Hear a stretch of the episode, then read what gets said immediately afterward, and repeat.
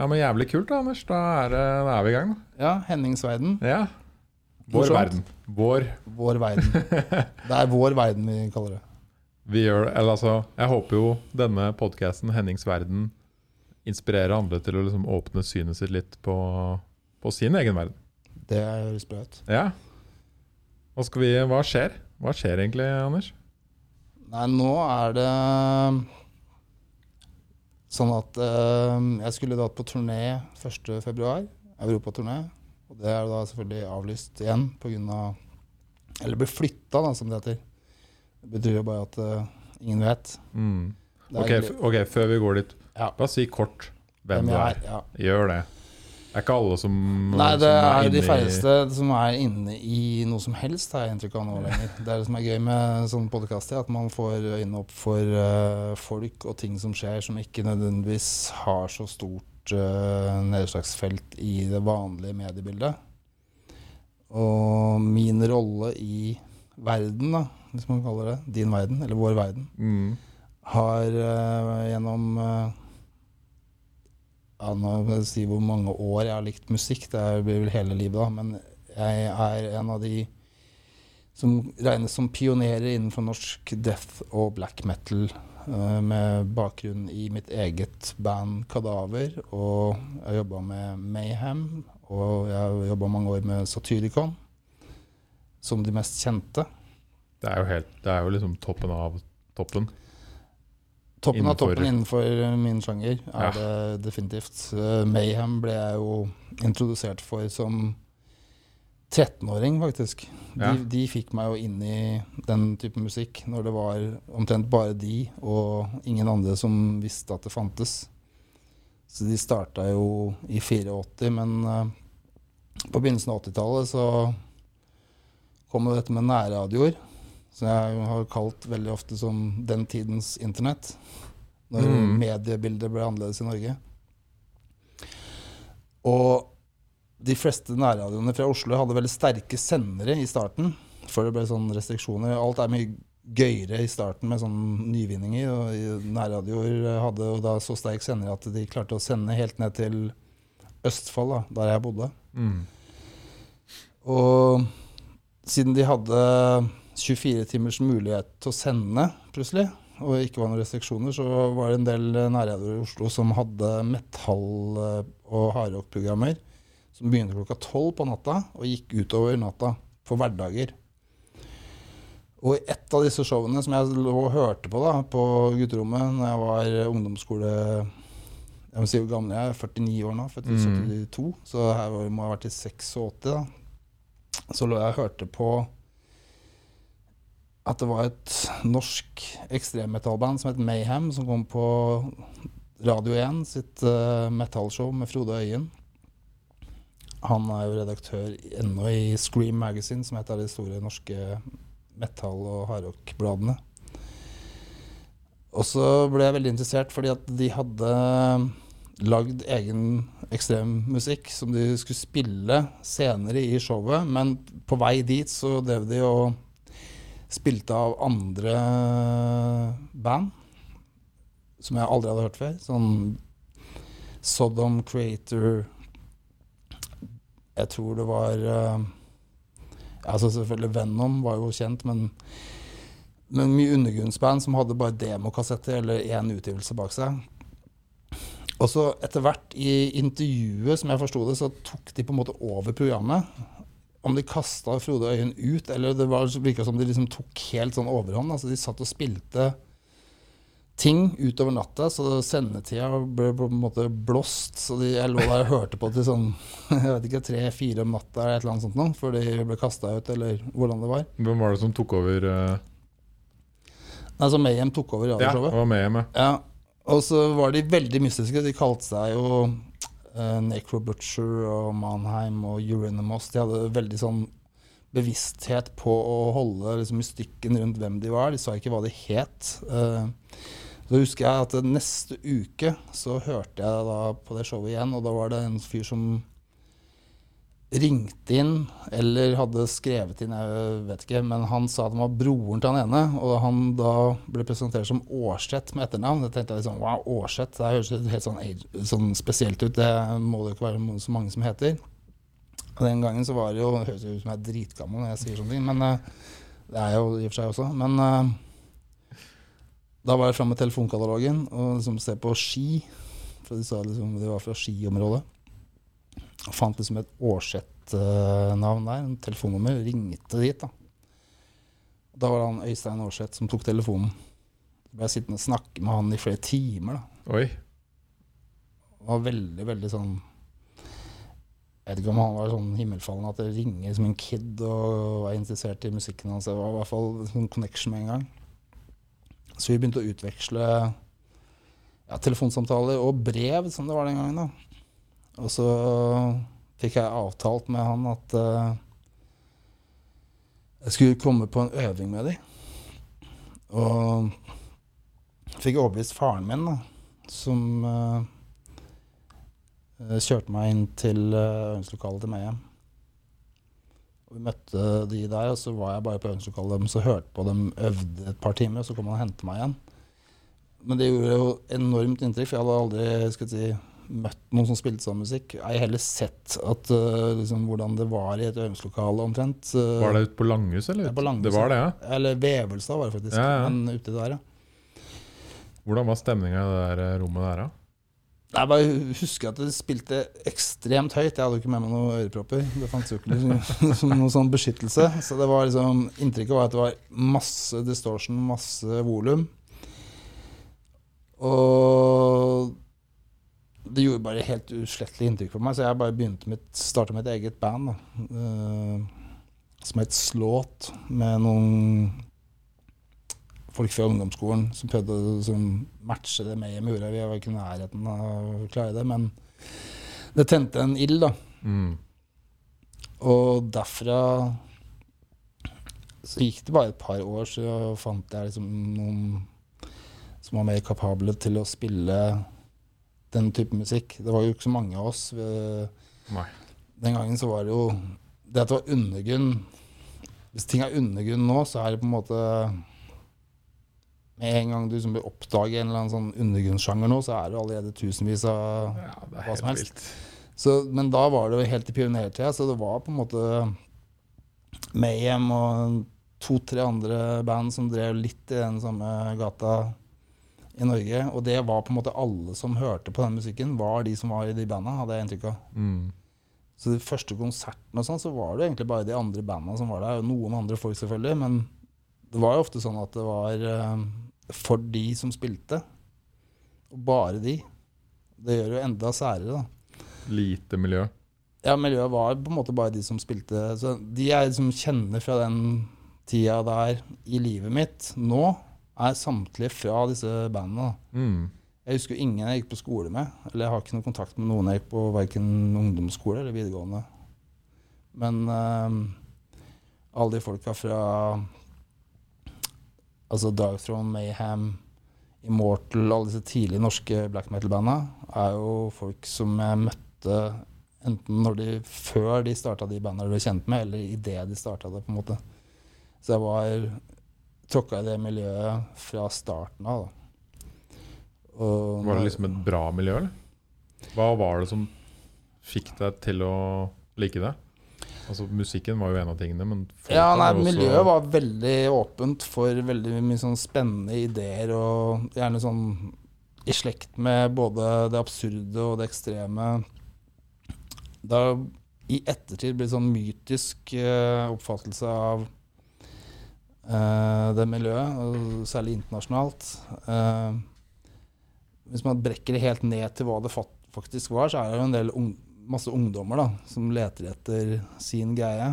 Som gjør ting som da er helt utenfor alle normer, alle ting. Det er ingen som har ambisjoner om Nesten ikke ambisjoner om I hvert fall ikke å bli kjent for det. Det er mange som har trodd liksom, å, det satsa på det for det ble svært. Det er liksom sånn Nei, nå må du høre her. Det her er ikke grunnen. Eller det var ikke sånn det var. Det er liksom en helt sånn misoppfattelse. da. Så analysen min av det sånn i ettertid er jo at vi var på det samme stedet eh, i søken etter noe nytt og spennende som var annerledes. At det på en måte holdt oss Mm. sammen i en retning, da. Uh, musikalsk. Og, men også filosofisk og sånn Altså alle disse tankene om opprør mot uh, ting altså Hvis du kaller det for ungdomsopprør, høres jo litt sånn fjernt ut og litt sånn rart, men det er jo et slags opprør. Hvis du leter etter eh, identiteten din, så er du jo ofte anti-autoritær. Men vi tok det liksom alle disse tingene ut til det ekstreme. Da. Men det som er veldig glemt i det, da, er jo at vi også hadde med masse humor Mm. på slep. Den sorte humoren i blant annet sånn eh, Ja, det jeg vil kalle sånn Monty Python-humor type ting. Det var jo på en måte en stor del av det. Alvoret ble alltid brekt opp med sånn kødd og forskjellige ting, for folk var kids, da. Mm. Så man, men vi var jo de rare folka. Absolutt. Men Nei, vi for var jeg ser jo sånn på, Fra utsiden så virker det jo liksom blodseriøst, ikke sant? Og Ja, ja. sånn, Hvis man ser på det fra utsiden og ikke kjenner til Men, men det er også det, det er liksom absurde med det, er at du kan holde en seriøs attitude til det du driver med. Altså Jeg vil si altså Det å måtte øve så mye på instrumentet sitt, da, så at man blir god nok til at man klarer å spille sånn her ekstrem musikk som er ufattelig høyt teknisk nivå, det er jo en sånn glemt ting i sammenhengen. da. Hvis du skal tenke det som at folk bare gjør ting for å bråke eller kødde eller liksom gi fingeren eller altså sånne ting. Det, de så vi jo på en måte ned på. Altså de som var um, kun etter faenskap eller um, altså sånn demoer. Det var jo ofte sånn, blant annet i den tida, sånn blitz-demonstrasjoner. Sånn, de folka som bare liksom Fuck the man og sånn. Det var ikke det vi holdt på med. Eh, de var også seriøse på det de drev med, sa de. Det kan godt hende. Men altså den let, Å lete etter um, inspirasjon i det mørkeste og darkeste ga oss en sånn enorm glede, da. Ja, for det der er jo veldig uforståelig for mange. Ja, og det er jo Det er liksom Du må prøve å beskrive det der litt mer. Hva er så fascinerende liksom, med Ja. det mørke og Det som er mest fascinerende med det mørke og det som er utenfor allfarveien, er jo nettopp det at uh, man trosser uh, forbud og varsler, da. Ikke sant? Hvis, hvis det er sånn at det fins demoner, f.eks., sånn som kristendommen hevder at, eh, at det, altså, katolske kirken har jo tradisjonelt hatt en demonologi. Altså, dette med helvete og skjærsilden har jo gjennom dens historie vært ekte ting som de har trua med. Som Mm. det som kommer til å skje med deg hvis du går inn i feil retning, som de vil kalle det. da. Og da har du hatt eh, folk som har pusha den grensa, blant annet sånn som Alcer Crowley, da, som er en sånn figur fra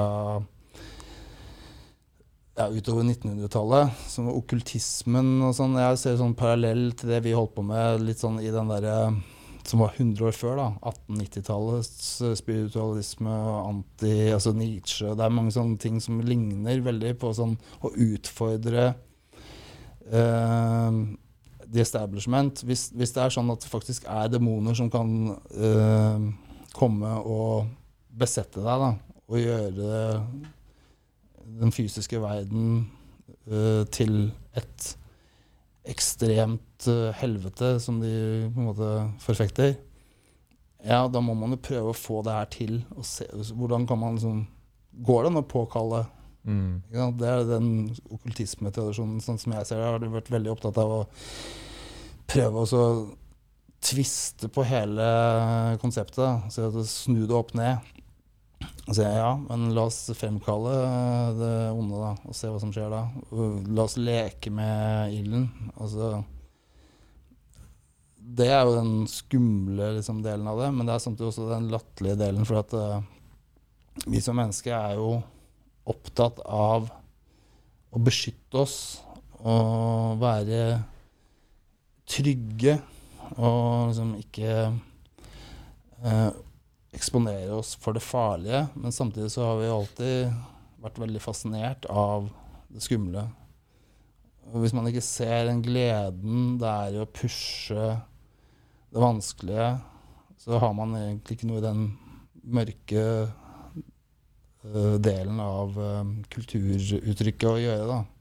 Det som er hele grunnen til at vi driver med det mørke, er jo at vi finner glede i å egentlig snu opp ned på forestillingene som de uh, da har lagd. Er er, her er jo et barn av uh, den demoniseringen som bl.a. kristendommen da, har eh, tradisjonelt sett i vår del av verden Mm. vært veldig flinke til å jeg vil si, promotere. Så det er hele tiden å kødde med de. I litt sånn Med litt sånn delvis Natch, Natch, Say No More, altså den Monty Python-greia, men samtidig sånn Kanskje det er noe der, kanskje ikke det er noe der. Hvem vet? Altså det er så hele tiden øh, Være oppslukt av å se muligheter i det som andre syns er det forferdelige, har liksom vært en stor del av det. For Så meg, dere finner en slags glede i å se på mørket og utforske det? Ja. Ja. Og det er jo Det betyr jo ikke, sånn som mange tror, at det Men dere sitter ikke hjemme og prøver å tilkalle demoner, liksom? Nei, altså det Nei. blir liksom sett på i den kretsen jeg kjenner til, som barnslig versjon Mm. av det, hvis man kan kalle det det. Altså, det blir på en måte Da spiller man på en måte på motpartens banedel. For da tror man jo på det. Ja. Og det er jo det vi kødder med. Okay. Det, det å tro på at det er en sånn mulighet for at eh, Satan kan besette deg, og da går liksom hele livet ditt til grunne fordi at du da havner du i helvete for all tid, og sånne ting. Det er jo på en måte det man kødder med, da, når man uh, vrenger det opp og viser det fram. Mm. Men så nå har vi jo på en måte gått langt forbi det i kulturkretsen vår, med hvordan man skal forstå det. Her må det forstås hvordan ting var på en måte på slutten av 80-tallet og begynnelsen av 90-tallet. Det er så lenge siden nå at øh, jeg begynte å tenke litt sånn, sånn Hvor lenge siden er det? Så satt jeg og tenkte her en dag at øh, Jo, hvis du tar 30 år tilbake, da, som vi må fra nå, til den tiden Men hvis du går 30 år tilbake fra den tiden, så havner man jo foran der Beatles fantes. Mm.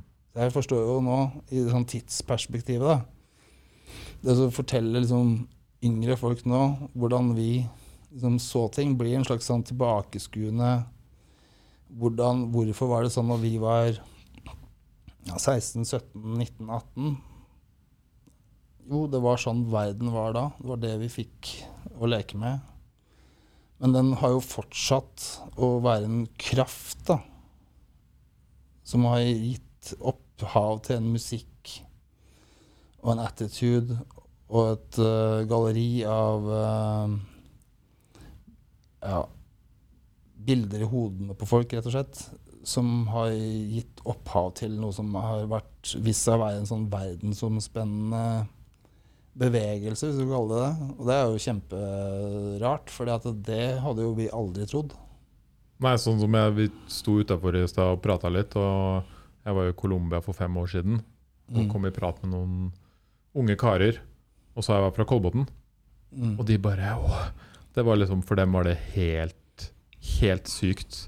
Ja. Der er noen av de De bare ah, Jeg vet jo hva det betyr, på en måte. Og det som er kult nå, er at eh, hvis du sier det til en eller annen nordmann nå, så skjønner de heller ikke hvorfor det er så jævlig viktig med Kolbotn. Nei. du skjønte det med en gang. Jeg skjønte det med en gang, men det er, jeg liker at det liksom ikke er tilgjengelig ennå, da. Yes. Og det gjør at det fremdeles holdes som en Det er en sånn slags holy grail å ha vært med på det fra starten av. Som ikke kan forklares med noe annet enn at eh, sånn er det bare. Altså, hvis noen nå kommer og spør meg liksom Hva skal jeg gjøre? Vi skal starte bandet mitt og ditt og datt. så Sånn, ja, det aner jeg ikke en dritt om. Det må dere på en måte finne ut av sjøl. Det er liksom ikke min jobb som eldre da, å finne ut hva yngre folk skal uh, finne interessant. Eh, Jeg har alltid liksom tenkt at uh, hva enn yngre folk finner ut er interessant for dem, så er det sikkert uh, greia. Mm. Men om det liksom blir om 30 år igjen et eller annet, det kan du jo aldri jobbe med. Det går jo ikke. Altså, det er jo på tross av absolutt alt at det her har blitt, liksom, hvis du kaller det en suksess. da. Det er veldig vanskelig å forstå. Alle sånne ting er vanskelig å forstå i retrospekt. Det er derfor at uh, alle sånne råd man kan gi skal si, tenk på gammel og vis engang. Når man blir gammel avis, så slutter man å gi råd, faktisk. Det er jo på vei dit at man gir råd. Til slutt så skjønner man nei, å gi råd til folk, ja, hva lurer du på? Nei, øv mye, liksom, sånne teite ting. da. Sånn, eh, jobb hardt og sånn Mm. floskler. Men jeg tror det viktigste jeg har lært, det er jo Hvis du Hvis musikken din og det du representerer, på en måte er noe genuint som kommer fra deg, da. Da spiller det egentlig ingen rolle hva det manifesterer seg som. Jeg tror Ethvert kunstnerisk uttrykk må uansett på sitt beste være noe som du selv virkelig kan si at dette er, dette er min greie. Dette har jeg lagt alltid. Om det liksom gjør at det blir én person til, eller ti, eller 100 000 eller whatever, liker det igjen. Det er jo en frukt av at du faktisk har gjort noe genuint, men det kan du jo aldri ha som sånn mål. Nei. Målet må jo være å klare å lage noe som er genuint. da. At du lærdommen vi hadde fra den gangen, som vi har med oss ennå, som er grunnleggende, er det der at uh, uansett hva du gjør, så må du høre at det er deg. Men lagde du også greier på den tida som du følte ikke var genuint?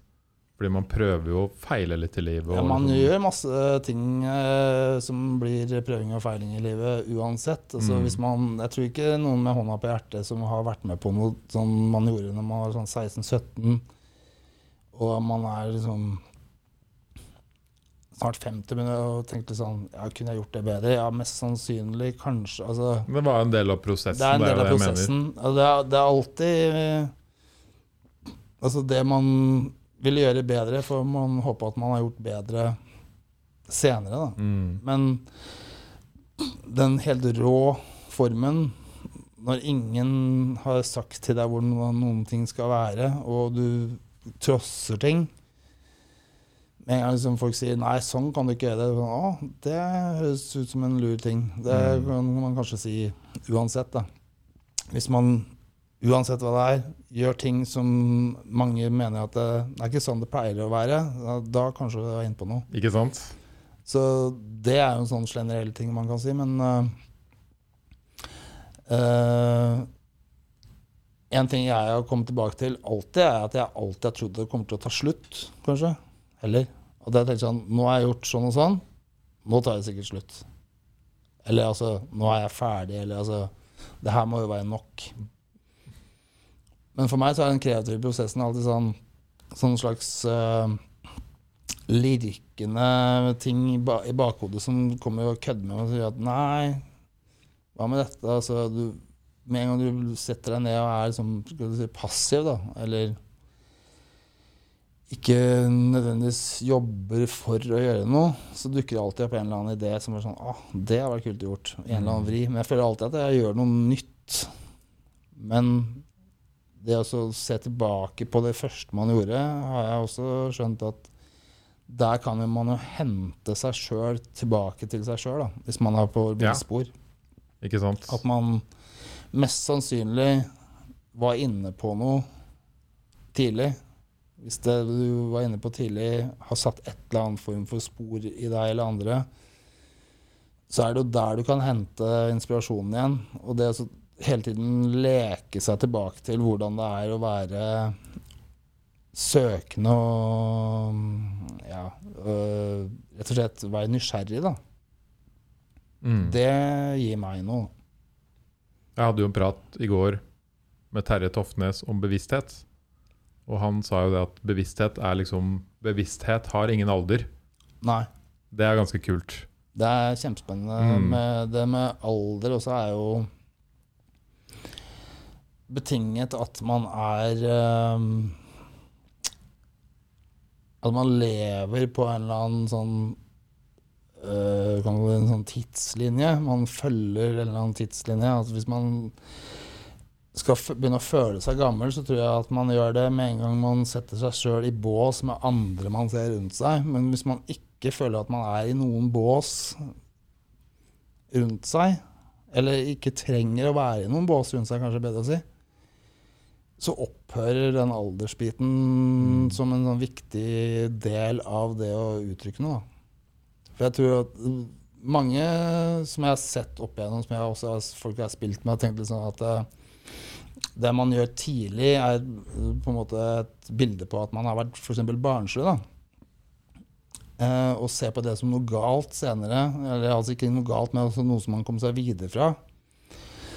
Men jeg har begynt å tenke mer at det å være barnslig i den forstand kanskje er det beste man kan være.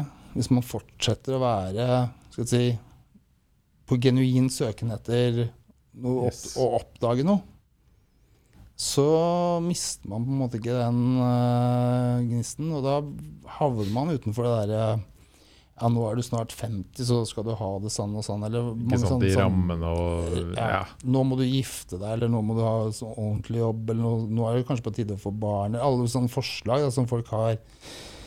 Um, Kanskje, altså Jeg føler at barnslig er litt dårlig ord på det, ja, det er nok det. For det man egentlig sier, er jo at du prøver å Når man er yngre og barn, så har man ikke alle disse rammene og reglene om hvordan man skal være og samfunnet funker og sånn. Du er mer hjernen er liksom mer, mer ren. Da. Det er ikke så mye dritt som er lasta opp.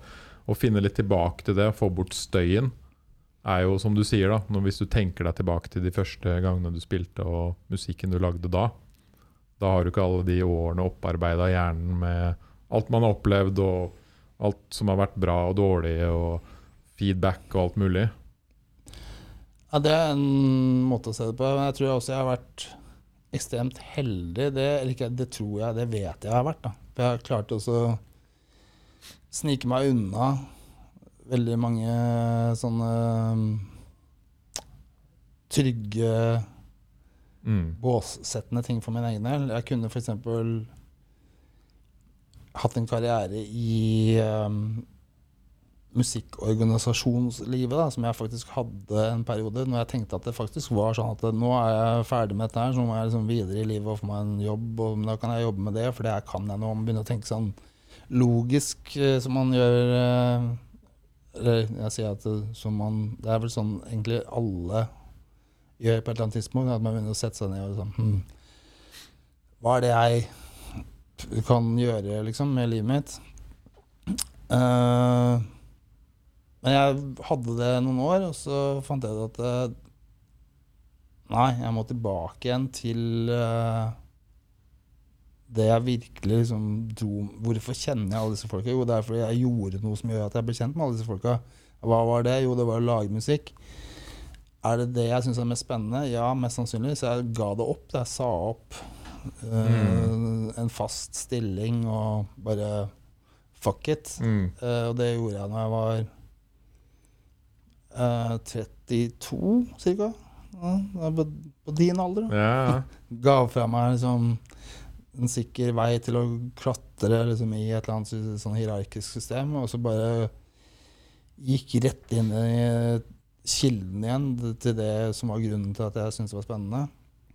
Og etter det så har det bare åpna seg maks, da. Uh, for min del. Og det er jeg veldig glad for. Var det en nødvendig på en måte pause? At du måtte følte du måtte sjekke det ut?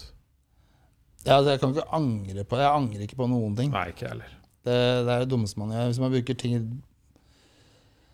All den tid folk bruker på f.eks. angring, eller uh, også være um, sint på andre, eller klandre liksom, et eller annet som har skjedd for at man ikke fikk gjort det man skulle, da. Det ser jeg på som sånn um, Det er sånn mentalt hinder i at du kommer deg videre. Mm. Det er ingen som bryr seg om det. Det er jo du som bryr seg, bryr seg altså du bryr deg selv om det. Hvor mye skal du la deg plage av det? Liksom? Ja, hvis Du må bare velge det helt bort. Um, det har jeg lært mye av forskjellige folk jeg har jobba med også. Det med genuint gi faen i hva folk sier, da. Det er en jævlig vanskelig øvelse. Det er nesten helt umulig for et menneske å si liksom, med stolthet i stemmen at jeg gir helt faen i hva alle mener om meg og sånn. Det betinger jo da at du gjør noe som mange mener noe om, da. Mm. Mest sannsynlig. Å komme i en posisjon hvor du har mange som hater deg, f.eks. Det har jeg alltid tenkt på. Da har du gjort jævlig mye riktig. Hvis det, er, hvis det er sånn at mange bruker tid på å si at du er sånn og sånn, eller han Han burde i hvert fall aldri liksom et eller annet sånn begynne å peke på deg og sånn Nei, det der han driver med, det er noe forbanna drit. Eller all, hvis du kommer i en sånn posisjon, da Det er da du skjønner, eller bør skjønne, da, at du har kommet på et eh, sted som mest sannsynlig vil uh, pense deg riktigere og riktigere på vei dit du skal. Og det har du opplevd, eller? I livet? Jeg har opplevd det i livet med mindre eller mer eller mindre grad, men jeg har aldri vært sånn helt, helt tett på det i den forstand at jeg har aldri blitt plaga av det. Men jeg har drevet med ting som jeg har ignorert av at folk uh, hata tidlig. da, altså Jeg ble mobba på skolen for at jeg valgte å se annerledes ut. Altså langt hår. Uh, sånne ting. Det er jo liksom Det har jeg jo sagt i sånn foredrag faktisk om black metal igjen, at uh, her har vi da en sånn musikksjanger hvor uh, um, Eller kan spole det tilbake. Det som Mm. er Det som blir sagt om band For å ha et perfekt band da, i en sånn suksessformel for et band eller en gruppe, da må du ha tre arketyper i den gruppa. Nå snakker vi om sånn som blir sagt om store artister eller store ja. mainstream-ting. da. Og dette er liksom noen som har analysert Det er noen som har analysert, det Ja. og det, da blir det sagt at man må ha en stjerne, en hjerne og et mobbeoffer. Mm. De tre må være med. Altså sånn, ja, Hva kan man si om det i musikksammenheng? Så har du liksom to sånne eksempler fra som er veldig lett for folk å gjenkjenne. Da er liksom The Beatles, da, for eksempel. Stjerne John Lennon, gjerne Paul McCartney, og så Ringo Starr, mobbeoffer. Altså Kiss. Mm. Da har du Paul Stanley stjerne, Gin Simmons stjerne, og så har du liksom to mobbofre med Mm. Ace Frehley og uh, Peter Chris, da. Så egentlig er det sånn Beatles og Kiss er jo det jeg har vokst opp med som sånn arketype på sånne store uh, band. Men så har jeg pleid å si at uh, i black metal så er det bare mobbeofre. Der er liksom kun det. Hvis du får liksom tre, eller da som regel går gærent hvis det er fire, da, men det bør være to eller tre mobbeofre sammen, i positiv forstand, da, da lager de black metal. Da blir det ordentlig, blir det ordentlig ordentlig, svart og ordentlig Da er det, da er liksom kun misfits. Mm. Det er ingen der som prøver å bli stjerne. Det, helst så må det henge sammen med at begge har hjerne, da. Det er kanskje det. Men det der med stjernegreiene er på en måte helt utelukket. Det er Mm. ikke drivkraften. Da. Altså, alle de som drev med band da jeg var ung, som gjorde det for å få pult og få damer å bli interessert, de gikk jo etter den stjernegreia. Men de var da liksom, motivet for å spille i band ville være liksom, at damer så på deg endelig sånn, Å, han ser kul ut, liksom. Aha. Men her er det folk som liksom står bokstavelig talt med håret ned og liksom headbanger og kanskje ser en annen vei.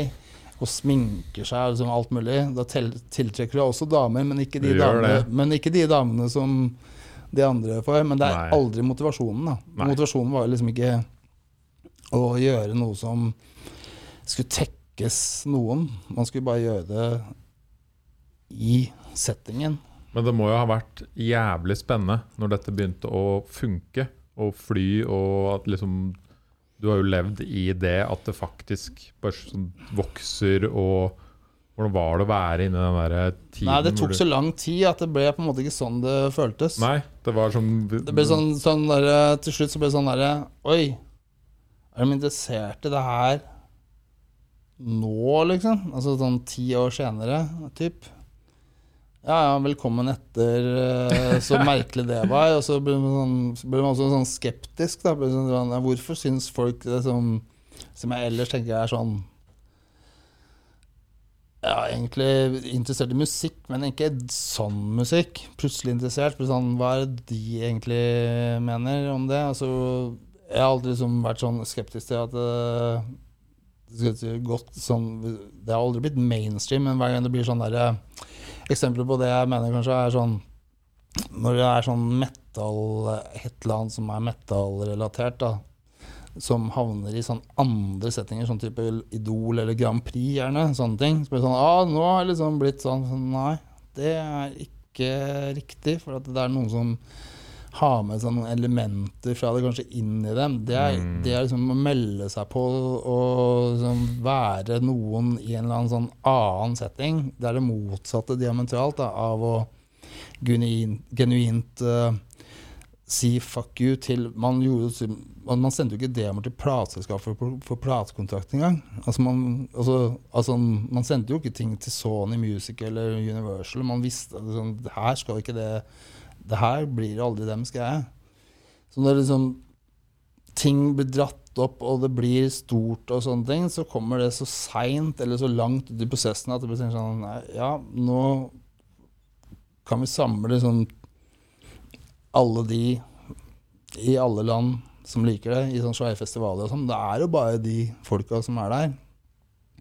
Mm. Og de som har kommet til. Men jeg tror det samme utgangspunktet går alltid inn i det å lage ting til det. Da. Jeg tror at når ting blir stort, som vi kan snakke om liksom, At du får større publikum på det, henger jo sammen med at uh, du aldri gir deg. Altså Hvis du aldri gir deg, så kommer det til slutt en dag hvor du får si, The payday comes. Kvalitet over tid ja, og sånn. Det lønner seg, det. Men det er men, jo men, det, da. Å det holde ut. Ja, det å holde ut. Og det at ting tar så jævlig lang tid. Så jeg tenker sånn uh, Hvis jeg skur tida tilbake, da, så tenker jeg liksom Hvis jeg sa til meg sjøl i 1989 at det kom til å ta et ja, Eh, om 25 år liksom, altså Det å se så langt inn i tida når du er ung, da, ja. Det gjør du ikke. ikke så Du tenker ikke på det sånn. Altså, når du blir eldre, så kommer dette til å bli bra. Så det er ingen som bryr seg om det. Så Det var en annen motivasjon enn det, da, skjønner jeg.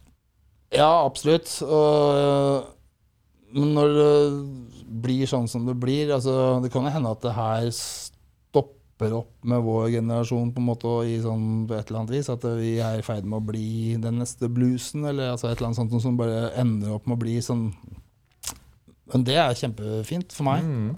At det bare har sin egen greie. Det er liksom Er i sin egen sfære, har sin egen greie. Det gjør uh, ikke meg noe. Nei. Snarere tvert imot. Det er liksom sånn det skulle være. Mm. Spennende. Hvordan ser du på, på, på måte, er, Holder bandet like ekte i dag? Det nye som dukker opp og sånn, eller er det annerledes? Altså nye band, tenker du på? Mm. Ja, helt sikkert. Altså, jeg følger ikke så godt med på det, må jeg innrømme. Altså, på et eller annet mm. tidspunkt i livet mitt så måtte jeg bare gi slipp på å følge med. altså, man følger jo med når man leter. Når man finner det man skal gjøre, tror jeg man mer og mer slipp på Altså jeg hører på veldig mange forskjellige ting. da. Altså Jeg har alltid vært inspirert av mange forskjellige uttrykk og sånn, som dras inn. Altså Jeg syns det er mange som gjør kule ting som ikke har noe med det jeg uh, gjør å gjøre. Jeg finner stor glede i å høre på nye artister som jeg syns er kjempespennende, som jeg ikke har hørt noen ting om, eller Jeg tenker liksom ikke at uh, jeg skal begynne å grave i Altså Det å være interessert i liksom f.eks. lese intervjuer med de, eller altså sånn, jeg, Det er veldig sjelden jeg går så langt lenger. da. Mm. Det har også med at det kanskje er mer sånn Jeg bryr meg ikke egentlig så mye lenger om sånne ting. Altså jeg um, har mer enn nok med øh, å si, drive med det jeg gjør, til at jeg Uh, de graver i om andre finner på nye ting nå som er spennende. Det håper jeg jo selvfølgelig at de gjør, men det er på en måte ikke min jobb uh, å være noe sånn Dommer, eller? Nei, i hvert fall ikke dommer. Nei. Men jeg kanskje ikke heller talentspeider på den måten. Altså, det fins masse ting som er uh, tufta på si, det vi starta, som er kult og ikke mm. kult. Men jeg, jeg sitter ikke og bruker så mye tid på det, men når noen sender meg tips, hører på det og sånn, sjekker jeg ut ting hvis jeg har tid til det. Men som vi snakka om sånn, sånn som ting er nå, så hører jeg kanskje mer på andre ting enn musikk, da. I det daglige, faktisk. Uh, går litt i bølger, Mm. uh, rett og slett. Og blir interessert i ting som folk man jobber med, lager osv. At man oppdager nye ting via at noen Å, sjekk det her ut. Det er alltid noe sånt et eller annet nytt som noen har lagd som er eh, plutselig Oi, det var kult. Mm. Men det Hva slags motivasjon en 16-17-åring Jeg vil si at liksom, grunnleggende for meg var jo Interessen for musikk kom jo sånn helt fra starten i livet. Altså det er liksom noe som bare Hvis det plantes tidlig frø da, i, i mennesker, hva enn det er, jo tidligere jo bedre, på en måte. Det er jo en ting. Men når man finner sin egen greie, så blir man jo veldig sånn Wow, dette er min ting. Mm. Sugd inn inne og ja, ja. Altså Men når det er sagt, så er det sånn provokasjonselementer i ting, eller hvor ekstremt ting er. Sånn, det finnes veldig få sånn, sanne typer parametere som forskrekker meg på noe vis. Men det er jo farga av måte, hvem jeg er og hvor jeg kommer fra. Ja. Det skal være ganske Det har vært spennende hvis det kom noe som jeg syns var for helt forferdelig provoserende. da. Må du gjøre noe vilt. Ja, eller jeg vet ikke. Jeg, det jeg vet ikke hva det liksom Men jeg, jeg, kan, jeg digger jo når folk gjør det Hva er noe av det mest provoserende du kan huske? nå nylig. Ja, eller Nei, vet du, det er vanskelig å komme på eksempler, altså. Ja. Jeg, jeg, jeg tror at uh, Du har fått, du har fått deg så mye, Anders, opp gjennom tida. Ja, men jeg har liksom ikke den vinkelen på det. Jeg Nei. sånn der, Det er noe vanlig for deg. Ja, men jeg vil at ting skal være ekstremt, da. Ja.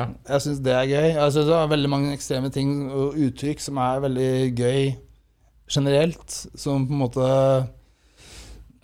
ikke passer inn.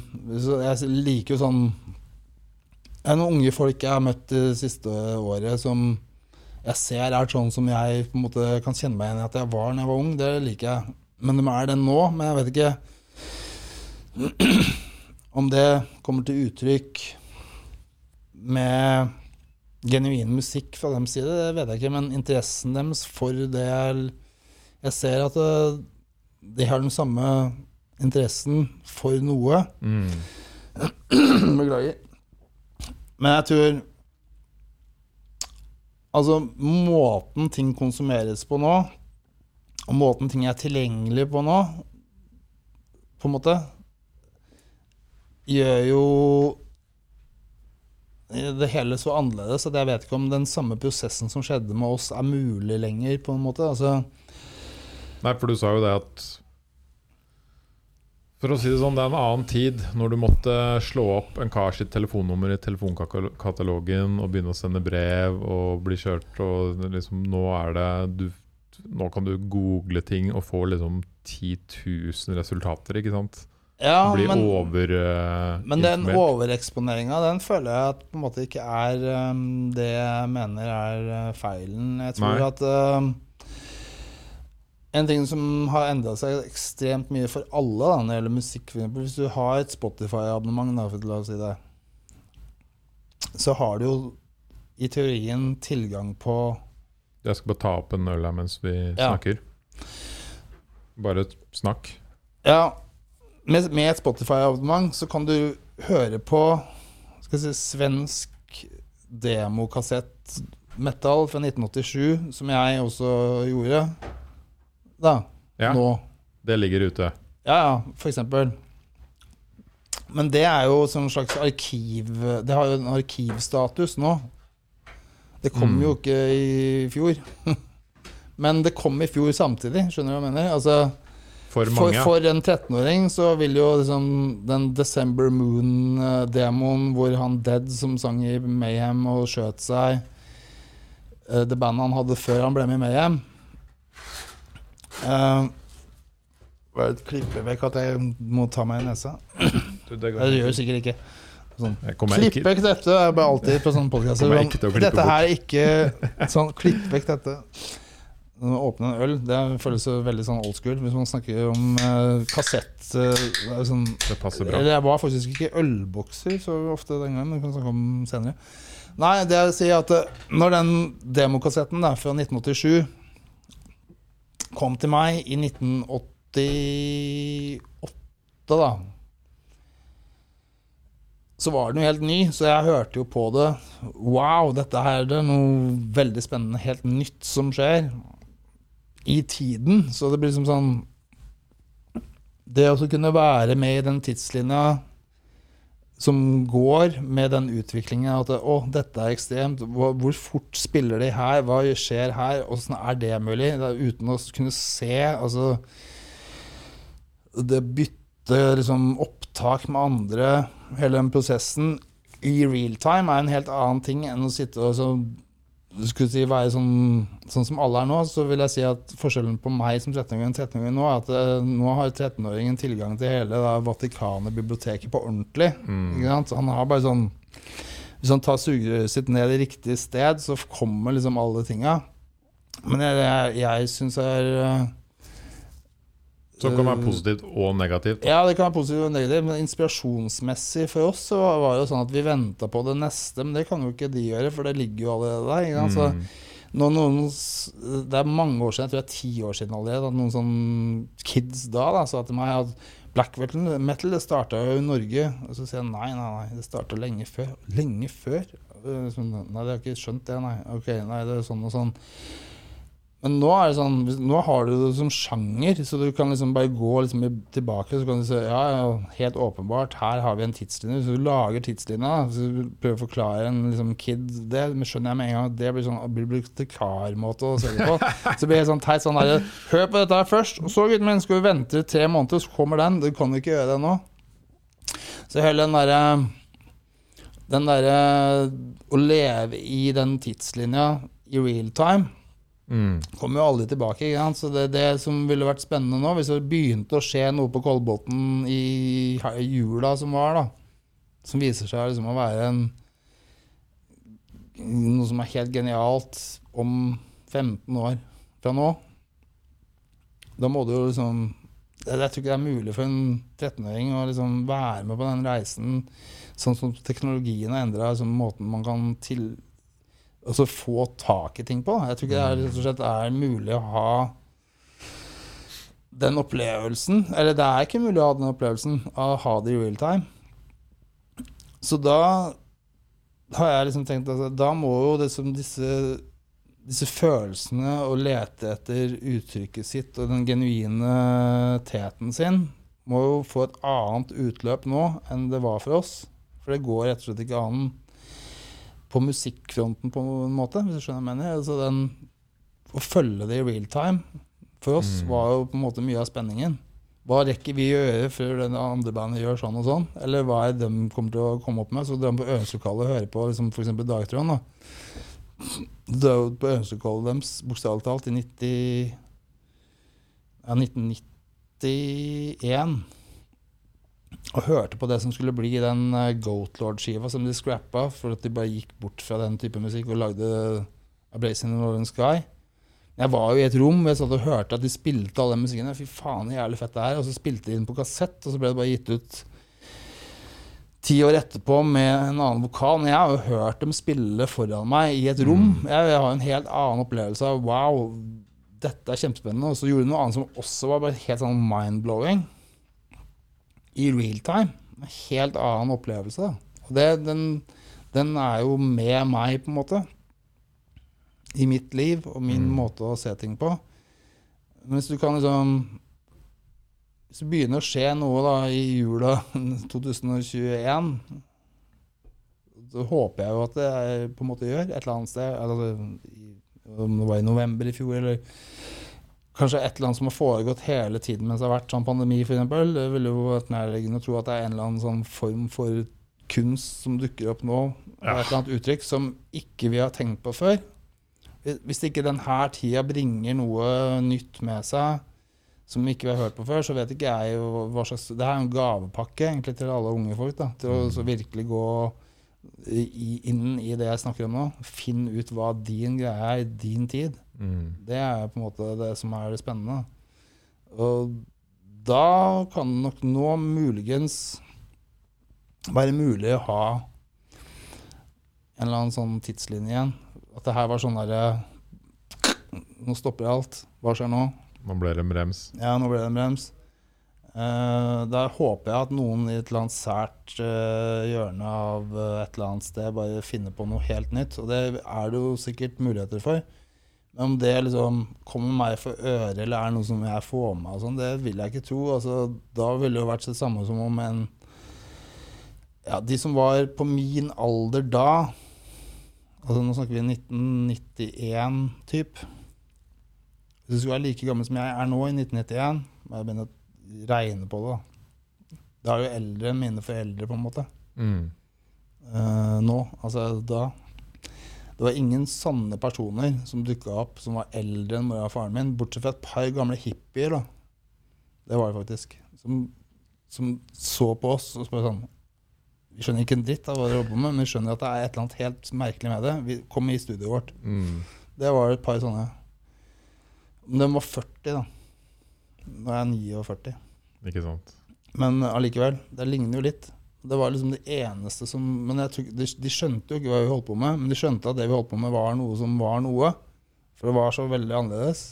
Men de, de satt jo ikke med en sånn og, og det, det, det er det jeg leter etter. da. Jeg håper at det er noen unge, unge som gjør noe som jeg kan riste på huet til. Det, jeg gleder meg til det kommer. Jeg vet ikke om jeg får oppleve det. da. La oss håpe det. Jeg, jeg, jeg håper jo det. Jeg, det. Jeg vil jo tro at det er noe, et eller annet som foregår som er sånn at jeg bare sånn Wow. Nei, nei, nei. Men eh, jeg tror ikke jeg er sånn anlagt. Det her tror jeg er liksom miljøskadd fra før. Men at det er de voksne, skal jeg si Altså de som er på min alder, som har de som Som kidsa sine er imot det og alt sånn, det, det er- regner jeg jo med. Mm. Men jeg er nok ikke den personen. Jeg vil være sånn som svever over hele, hele det bildet.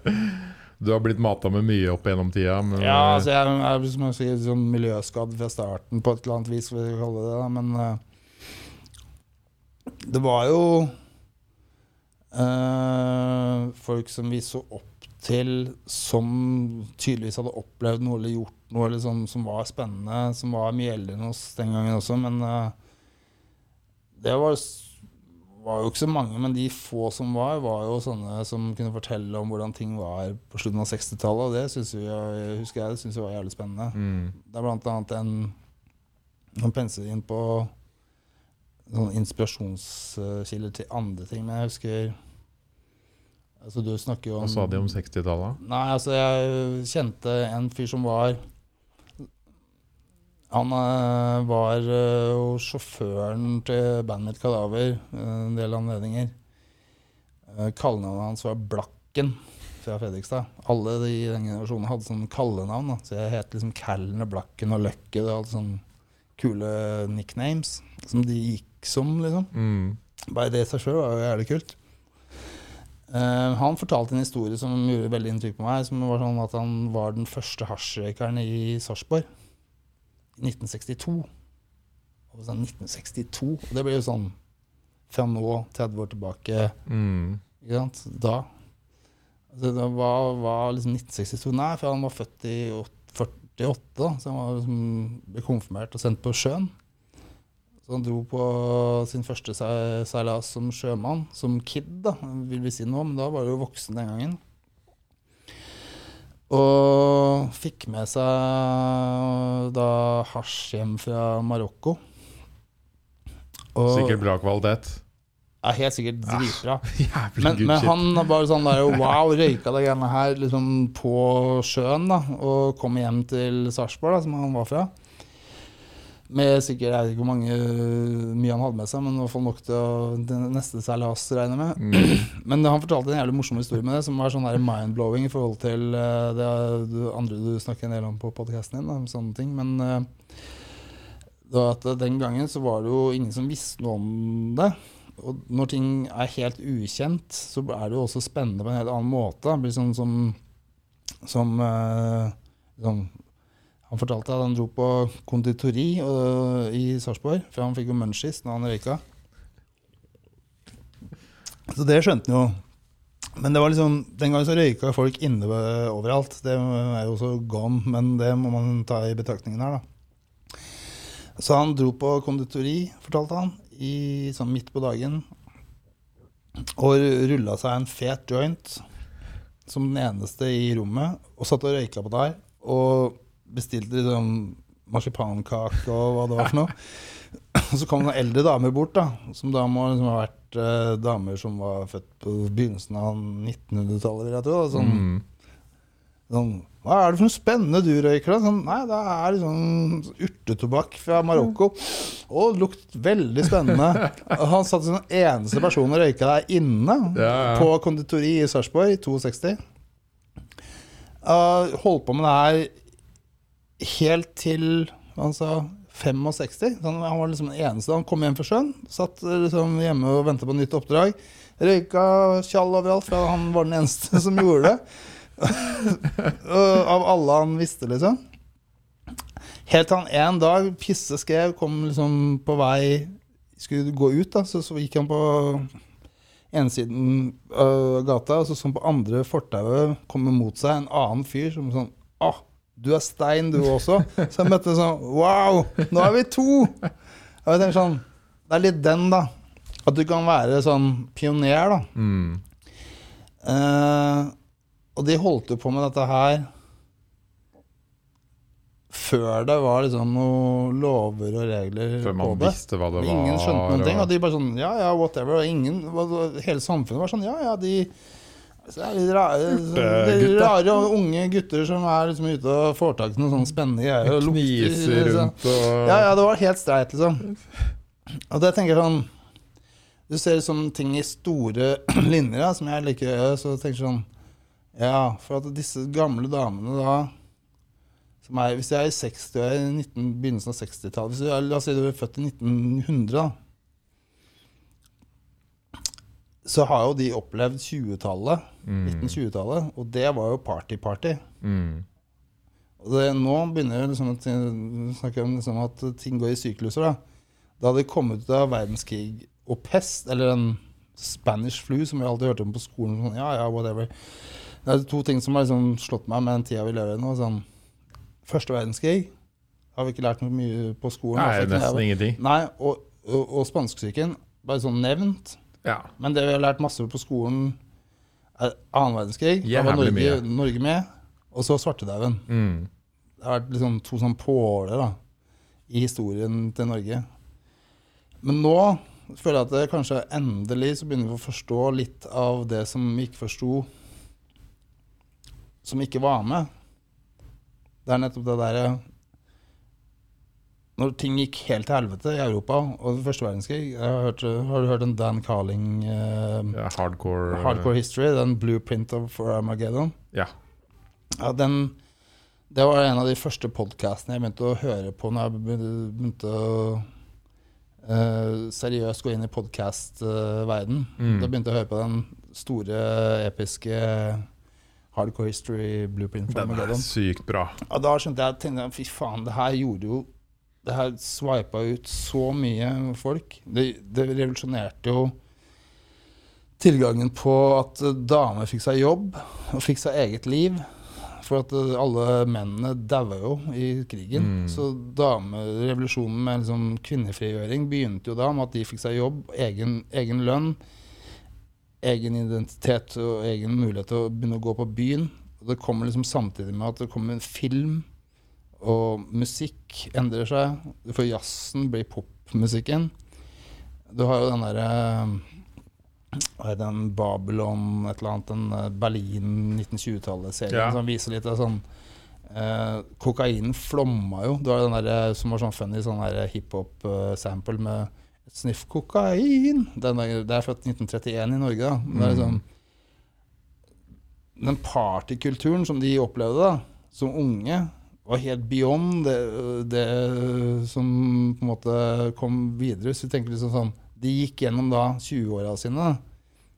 Kanskje på sånn type parties hvor liksom alt det her var helt vanlig. Jeg tenkte ikke noe over det, gikk over igjen, liksom. Og så ble det harde 30-åra, og så ble det nazismen, sånn som vi har lært om. da.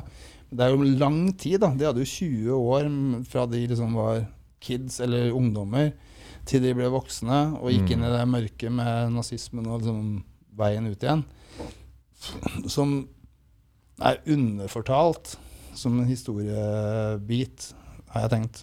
Mm. Her er det mye da vi ikke har Det er det.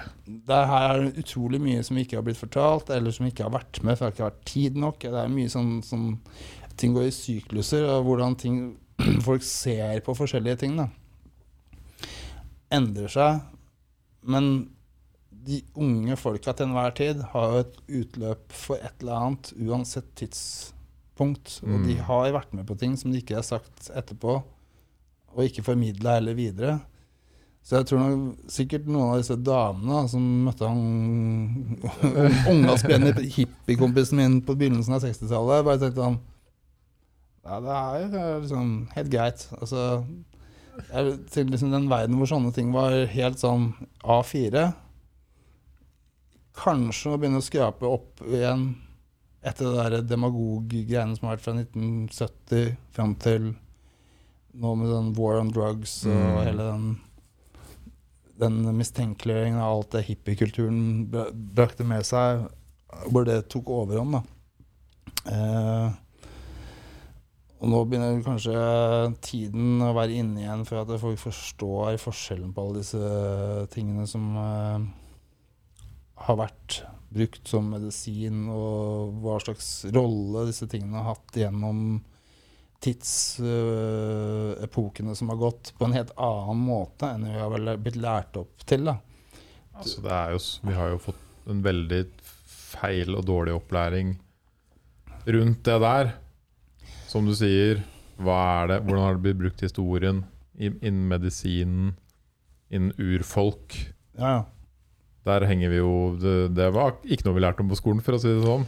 Men Det det har heller ikke vært skolen sin jobb. vet du. Den- Absolutt ikke. Altså Det med skolens eh, skyld og sånn har jeg tenkt på, det er ikke så farlig. altså. Og ja, nei, jeg skylder heller ikke på dem. Jeg har tenkt sånn Til slutt så finner du ut hvem du er, på en måte. Uh, det er én ting som er uh, Som henger igjen, da, som sånn uh, Jeg har alltid tenkt på sånn De som har vært sånn De streite, da. Det har jeg alltid sagt sånn i sånne sammenhenger hvor jeg har vært sånn Syns det er altfor mye streitinger som styrer verden, da. Det er sånn, I Norge så har vi blårussen og rødrussen for hver sin periode, på en måte. Det er Mm. liksom det er elevrådet med blårusspresident eller rødrusspresident. Det er liksom regjeringa, da. Og det er faen meg òg. Mm. Det er ikke kødd engang. Nå er det jo sånn at jeg, jeg blir såpass gammel da, at jeg kan se sånn, tenke sånn justisministeren i Norge er ti år yngre enn meg, og som kommer fra Fremskrittspartiet og sier at eh, hvorfor er det ulovlig med pott? Jo, fordi det er narkotika. Så tenker jeg Hvis du sier det, da, med straight face så appellerer du jo til alle den som sånn Ja, det har han rett i. Og så tenker alle de andre Fy faen, den jævla dust.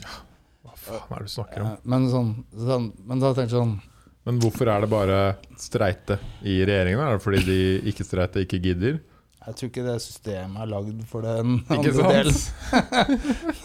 Det var liksom lovgivere og altså, det er jo veldig mye smarte folk som også tiltrekkes av uh, politiske veiv, da, må Mm. det sies. Jeg tror at uh, Nå er vi i en sånn brytningsfase hvor det, Altså, de har ikke noe Det er ikke noe masse å nå gjennom til lenger. Det ikke før valget i fjor at øh, en eller annen sånn Det der folk flest, eller hva de kaller det for noe. Alle har jo en sånn variant av hvem er det folk flest? Er det Frp, det, kanskje?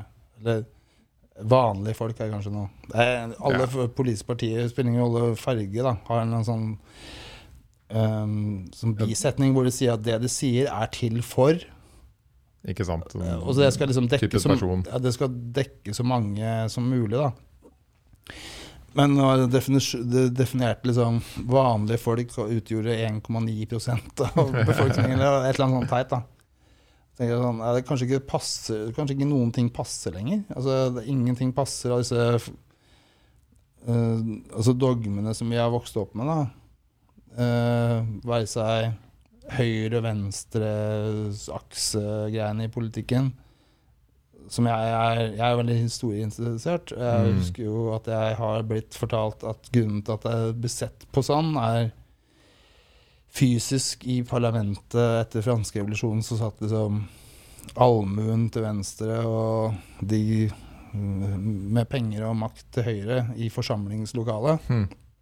Og sånn ble det skapt liksom hva som er til sånn venstre chill, ja. og høyre.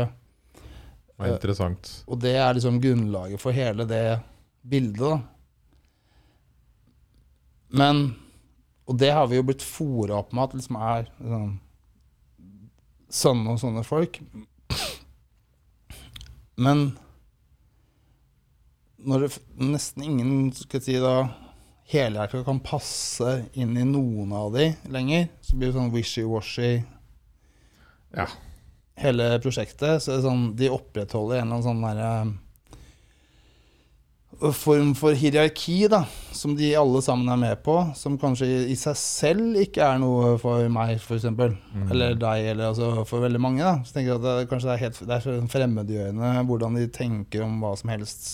Og så blir det sånn Det blir avslørt som sånn fløteskummer av ordninger og alle mulige sånne ting som de da tydeligvis i sitt eget miljø, om de er venstre, høyre, opp eller ned, eller hva faen de sier at de tilhører, de er på en måte en sånn klasse med folk fra eh, en eller annen forståelse at du må være i et hierarkisk system for å ha innflytelse, for å gjøre liksom bra ting for folk. Så ender de bare opp med liksom bra ting for seg sjæl og sine allikevel. Sånn som på en måte politikken i større, Jo større landet er, jo mer er det jo sånn tydelig at eliten er for seg sjæl, Mm. og vi andre får bare klare oss. Mm. I Norge så er det så lite land, da, så det blir så vanskelig å tenke at liksom, makteliten er sånn og sånn, men så ser du hele tiden at nei, de er sånn. Men har så mye å si. Ja, for det er spørsmålet. Har det Jeg- jeg mye å si? Ja, hvem har det noe å si for? Er det sånn at du skal velge politisk standpunkt ut fra hvem som mener at du skal ha billigst strøm, dyrest bensin, eller altså sånn, sånn veldig sånn ting som sånn er, Det viser seg jo gang på gang at det er jo aldri sånn likevel. Nei. Altså tenk på sånn derre Alle de I hvert fall i Norge så er det nesten sånn uansett hvem du velger, så skjer det ikke så jævla mye forskjell. Nei, for ikke på den måten som de sier at du skal gjøre det. Altså, det skjer jo nye ting hele tida, men ikke på grunn av det. Nei, nettopp. Og så kan de peke på hverandre, og det er, dem, det er dems skyld, og så går det fire år, så er det liksom det samme dems skyld. Altså, ikke sånn, det teatret, da, det forplanter seg jo liksom inn i alle ting. Så når de hadde den derre uh, rusreformdebatten, så ble jeg sånn der, fascinert av hvor lite det engasjerte meg. For at jeg, jeg, når jeg var ung, da, så studerte jeg kriminologi et år, faktisk. Mm. Leste alle bøkene til han Kristi. Han var faktisk en person som var Nils Kristi hadde foredrag på uh, juridisk fakultet. Eh, jeg gikk der i et år, faktisk. Men jeg tok aldri noen sånn degree. Men allerede da så tenkte jeg at det her er teater. Hele Altså det, det der grunnlaget for at ting er lov og ikke lov, har jo fra day one vært et sånn teaterstykke. Eh, men så har det gått så langt at det blir sånn Det å forfekte et annet syn er liksom stigmatiserende, men nå har det gått så langt at det er liksom sånn Det er liksom ikke så Det engasjerer i hvert fall ikke meg så mye lenger i seg selv. For jeg tenker sånn Er det så viktig at eh, liksom, noen har sagt at dette er lov, og dette ikke er lov? Med mindre du er sånn kingpin drug dealer som Ja. skal få inn en, en, et tonn med et eller annet mystisk stoff som du skal Altså hvis du er en Altså, Men de ville uansett gjort ulovlige ting. de ville gjort ulovlige ting uansett. Uansett. De hadde på en måte Jeg tenker jo mer på de Det er ikke de jeg tenker på i forhold til i så fall rusformen. Det er mer de som har blitt tatt urettferdig og Ja, fått en urettferdig det- dom. ikke sant? alt det der er- er, Alt det der er veldig viktig å ta tak i. Mm. Og det må mange som er eh, idealister, jobbe med, syns jeg. Mm. Men jeg ble sånn Når jeg tenkte sånn Arbeiderpartiet gikk imot, så tenkte jeg hmm, Er det ikke sånn at det var Thorvald Stoltenberg som opplevde å ha en datter som var riksjunkie som døde av dette her, som initierte prosjektet for å gjøre noe for de aller svakeste i Mm. samfunnet. Og det skal dere gå imot fordi at det skal tekkes en eller annen bonde fra Hedmark som du skal, må slekke kuken til for å få satt opp regjering. Det er liksom grunnen. Mm. Eh, må det jo være, da. Er det liksom Det blir jo til slutt et sånn politisk spill hvor man tenker bare Ja, det her meldte jeg meg helt Jeg meldte meg helt ut. Jeg bare tenkte det her er skulle, det her, her skulle engasjert meg. Så det, nei, det gjorde faktisk ikke det. Jeg ble sånn der på paff. Jeg tenkte, Ble overraska Bent Høie, da. Det gjorde jeg. ja, men han er jo en progressiv fyr. Han er jo Altså, jeg har alltid tenkt sånn De smarteste folka i Høyre har jo som regel vært blant de beste. Ja. Bare sånn Jeg ser på faktaen, jeg. Ja, da er Og det så greit. endrer jeg mening fordi faktaen viser at For eksempel. det er sånn vi burde gjøre det. Det å endre mening i dagens verden, hvis du har stått i, i det, det er nok mye vanskeligere enn du tror. For at jeg tror grunnen til at folk ikke endrer meningen sånn, er jo mest med å gjøre at det ødelegger for deres eget bilde av seg selv. Da. Hvis du er en sånn opphøyd streiting da, i alt du gjør og er, og så opplever du noe som går imot det på måte på kropp og sjel, så vi skal jo være ganske beinharde for å ikke se virkeligheten. Mm. Hvis for eksempel sånn som Tora Stoltenberg, som var en smart uh, fyr, men som også var sårbar for at dattera hans havna i dette her. Og broren hennes er jo liksom en av Norges fremste politikere noensinne. Jeg skjønner jo at de alle sammen forstår at det der politikken som de har valgt nå, er helt feil. Ja.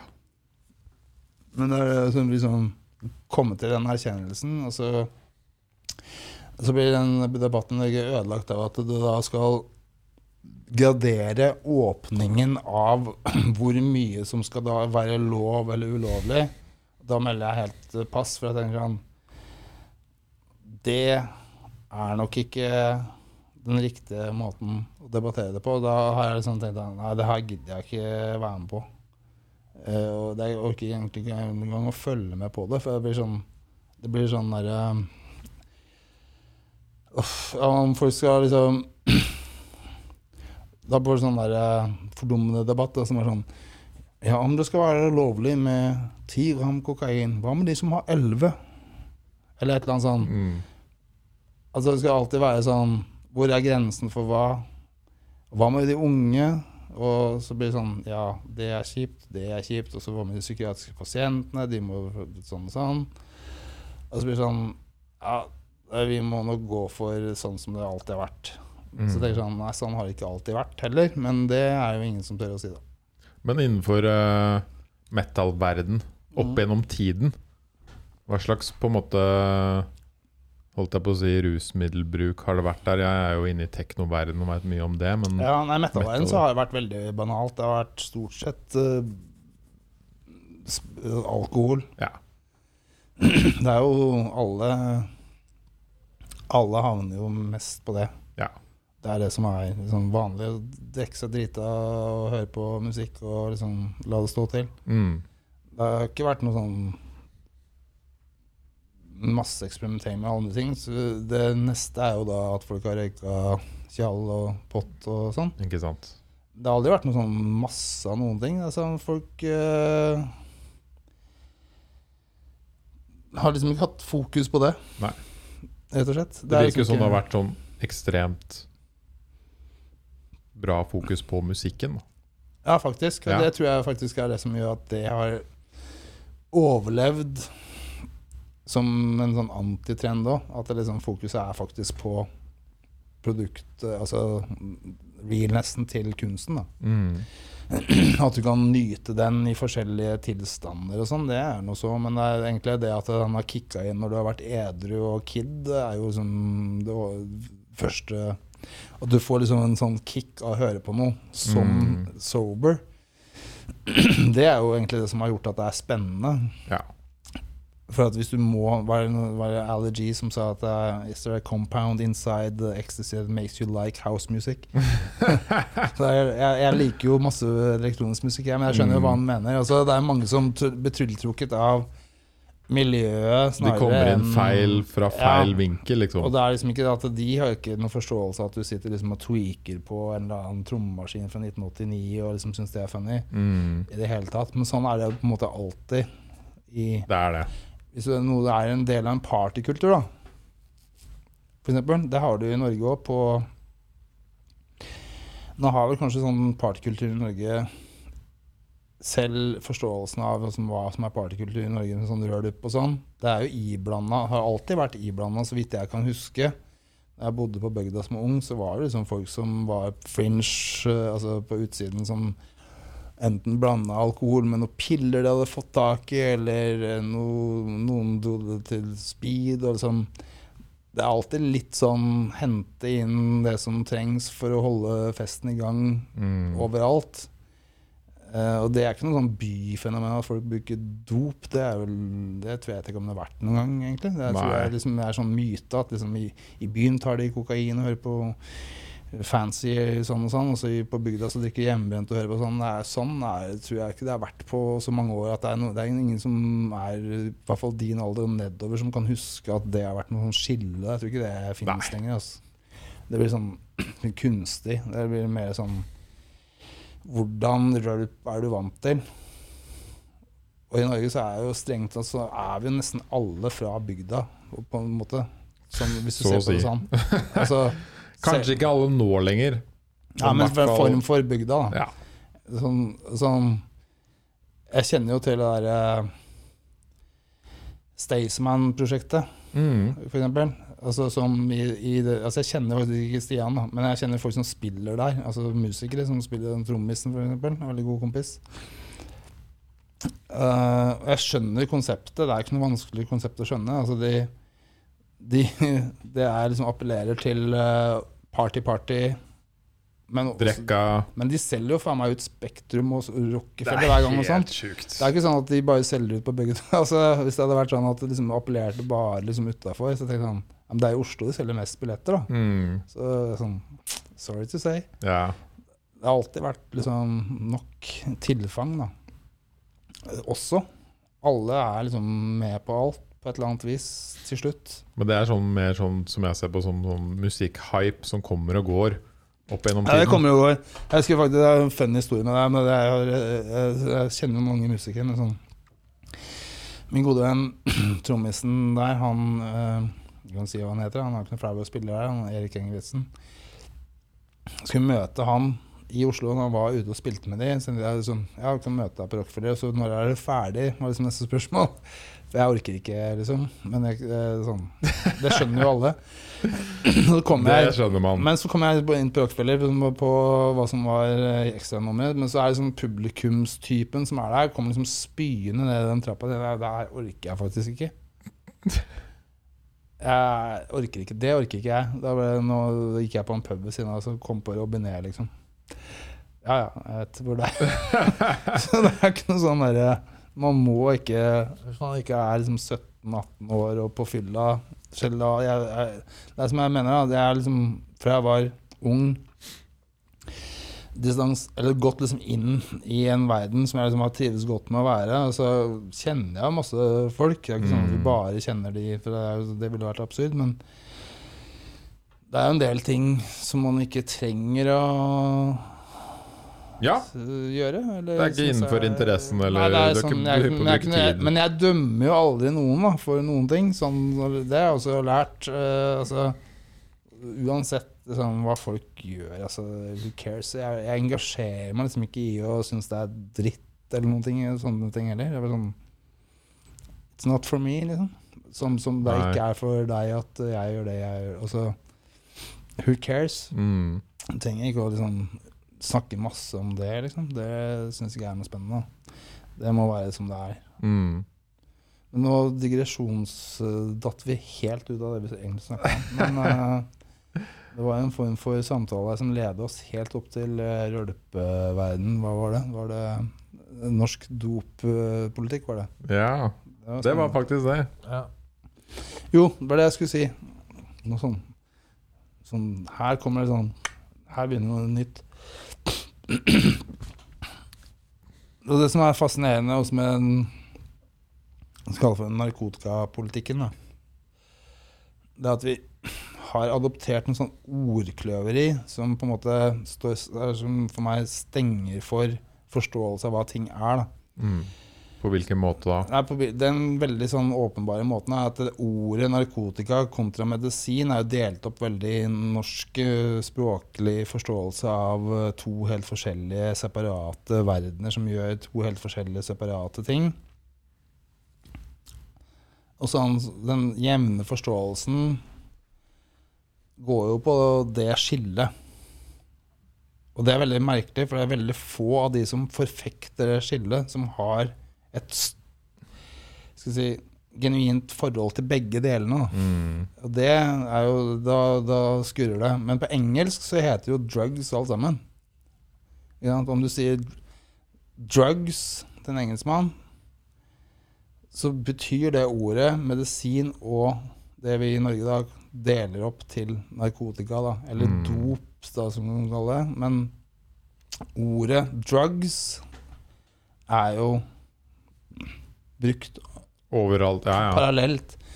Så hvis, hvis, hvis, vi, hvis vi skulle hatt Jeg er fin med podkast, man gå i digresjon rett etter at man kommer liksom med en ny digresjon. Um, hvis man skulle hatt en sånn semantisk eh, forståelse av hva man snakka om, for å se det absurde da, i det skillet, så tror jeg man må være gjennom noe som gjør at skillet blir eh, sånn overtydelig. Da. Og i mitt tilfelle her så har jeg jo overlevd og gjennomgått en stor eh, eh, kreftoperasjon og Mm. kreftsykdomsperiode i livet mitt som gjør at jeg er nå helt kreftfri. Jeg har vært det siden sommeren 2020. Når ja, 2020, ja. Det er ikke Ja. så lenge siden. Nei, jeg ble sjuk i 19, og så ble jeg operert for akkurat to år siden ca. Så kom jeg ut av uh, sykehuset og gikk i cellegiftbehandling når pandemien kom. Uh, og det er mange ting å si om det, men en ting som er veldig sånn åpenbart i konteksten vi snakker om nå, er jo at når du er kreftpasient da, i Norge, som, som er noe som en tredjedel av den norske befolkningen blir Det er så mange. Som, uh, Det er mange. Ja. Så det er, jeg kan snakke ganske bredt om det, men det som konteksten vi skal snakke om nå, som er Mm. spennende, er, er jo det skillet da, mellom medisin og narkotika. Det blir veldig wishy-washy når du er gjennom en kreftbehandling. Ja. Fordi at når du går inn i kreftbehandlingsregimet, og jeg har all respekt for um, hvordan det gjøres faktisk, De er jævlig flinke til å gjøre disse tingene i Norge, da, heldigvis for oss. Du sitter jo her. Jeg sitter her. Jeg, den sykdommen jeg hadde, var tarmkreft med spredning. Mm. Og den operasjonen jeg eh, gjennomgikk, er det som er beskrevet av kirurgen som den mest omfattende operasjonen som kan gjøres på et menneske. Da. Wow. Hvorfor er det det? Fordi de tar ut så mye av Ja, Indre organer og kobler om så mye som de kan gjøre, og du fremdeles kan våkne opp og leve et liv er videre. Som teknisk mulig er. Mm. Det har lært meg ganske mye om mange ting, da. Men blant for å ta det, det, der med medisin og narkotika, som er eh, sånn Mm. gjenganger i din uh, podkast. I hvert fall en del Medisin og narkotika. I hvert fall en del av de jeg, de, de jeg har eh, hørt, da. Nei, men det, det som er spennende, er jo det at eh, Når du blir operert, da, sånn som jeg ble operert det, det, det, det de gjør, det er jo at de blokkerer hele tarmsystemet ditt. Og så opererer de ut masse indre organer som de fjerner da, for å fjerne kreftsvulsten. Så lapper de det sammen på fire nye skjøter. Så jeg er liksom blitt kvitt Jeg sitter her nå uten galleblære, uten tolvfingertarm, uten hode på bukspyttkjertel og uten en halv meter tykktarm. Jeg ikke jeg var ikke klar over at man kunne leve uten alle de tingene, men det går tydeligvis. Det er helt Det er helt vilt i seg sjøl. Ja. Men da, når man gjennomgår en så ekstrem operasjon, da, så går man Det sier seg sjøl at da Da fjerner de jo eh, så mye at eh, du går gjennom en periode hvor du rett og slett lever på intravenøs eh, næring, og så er du ekstremt smertestilt, da. Mm. Så, ja, altså kjemperusa, liksom. Nei, Nei. det er det som er poenget. Altså, du Du, er ikke bare kjenner ikke smerte. Nei, men du, er, du, du blir eksponert for uh, medikamenter som samtlige er på den tyngste narkotikalista. Da. Ja. Uh, ikke bare hva hvor, Nei, altså jeg kan beskrive det som altså jeg, Hvis jeg hadde liksom fortalt hva jeg da proppa i meg, så ville jo Definisjonen på junkie er jo det du blir. Men det går for, heldigvis fort over, siden det ikke er så farlig som dette med mm. Eh, sånn for kroppen til syvende og sist, er med opiater. Men jeg fikk jo et uh, fentanylplaster som var konstant festa for å gi meg fentanyl, som er da Hvis du leser om fentanyl i pressen, så er jo det et sånn tusen ganger sterkere enn heroin party-drug fra Kina. Det brukes da medisinsk. Er det ikke det som er så jævlig farlig? jeg, egentlig? Jo da, det dør du av sånn, ifølge pressen. Ja, Hvis du får tak i det på liksom, Ja, det svartemarkedet. Jeg har jo da gjennomgått en operasjon hvor det var påtvinget at jeg hadde et fentanylplaster som ga meg konstant uh, fentanyl gjennom huden. Mm. Så hadde jeg en epidural, sånn som fødende kvinner får når de skal føde, med konstant Jeg hadde sånn boost, epiduralboost, som var datastyrt, så jeg kunne gi meg sjøl et shot hver halvtime. Wow. Og så hadde jeg en sånn sånn, eh, sånn, eh, sånn eh, slags plaster med fire forskjellige sånne sånne intravenøsinntak som bare står der, så du kan bare sette en sprøyte inn og bare sette ting rett i åra. Wow. Fireveis. Hvor jeg fikk eh, shots med Oxycontin på on demand. Det er også Hvis du leser om Oxycontin i pressen, så er jo det den derre Største problemet i USA, nesten. Og i tillegg til det så fikk jeg jo hver kveld sovemedisiner og beroligende piller.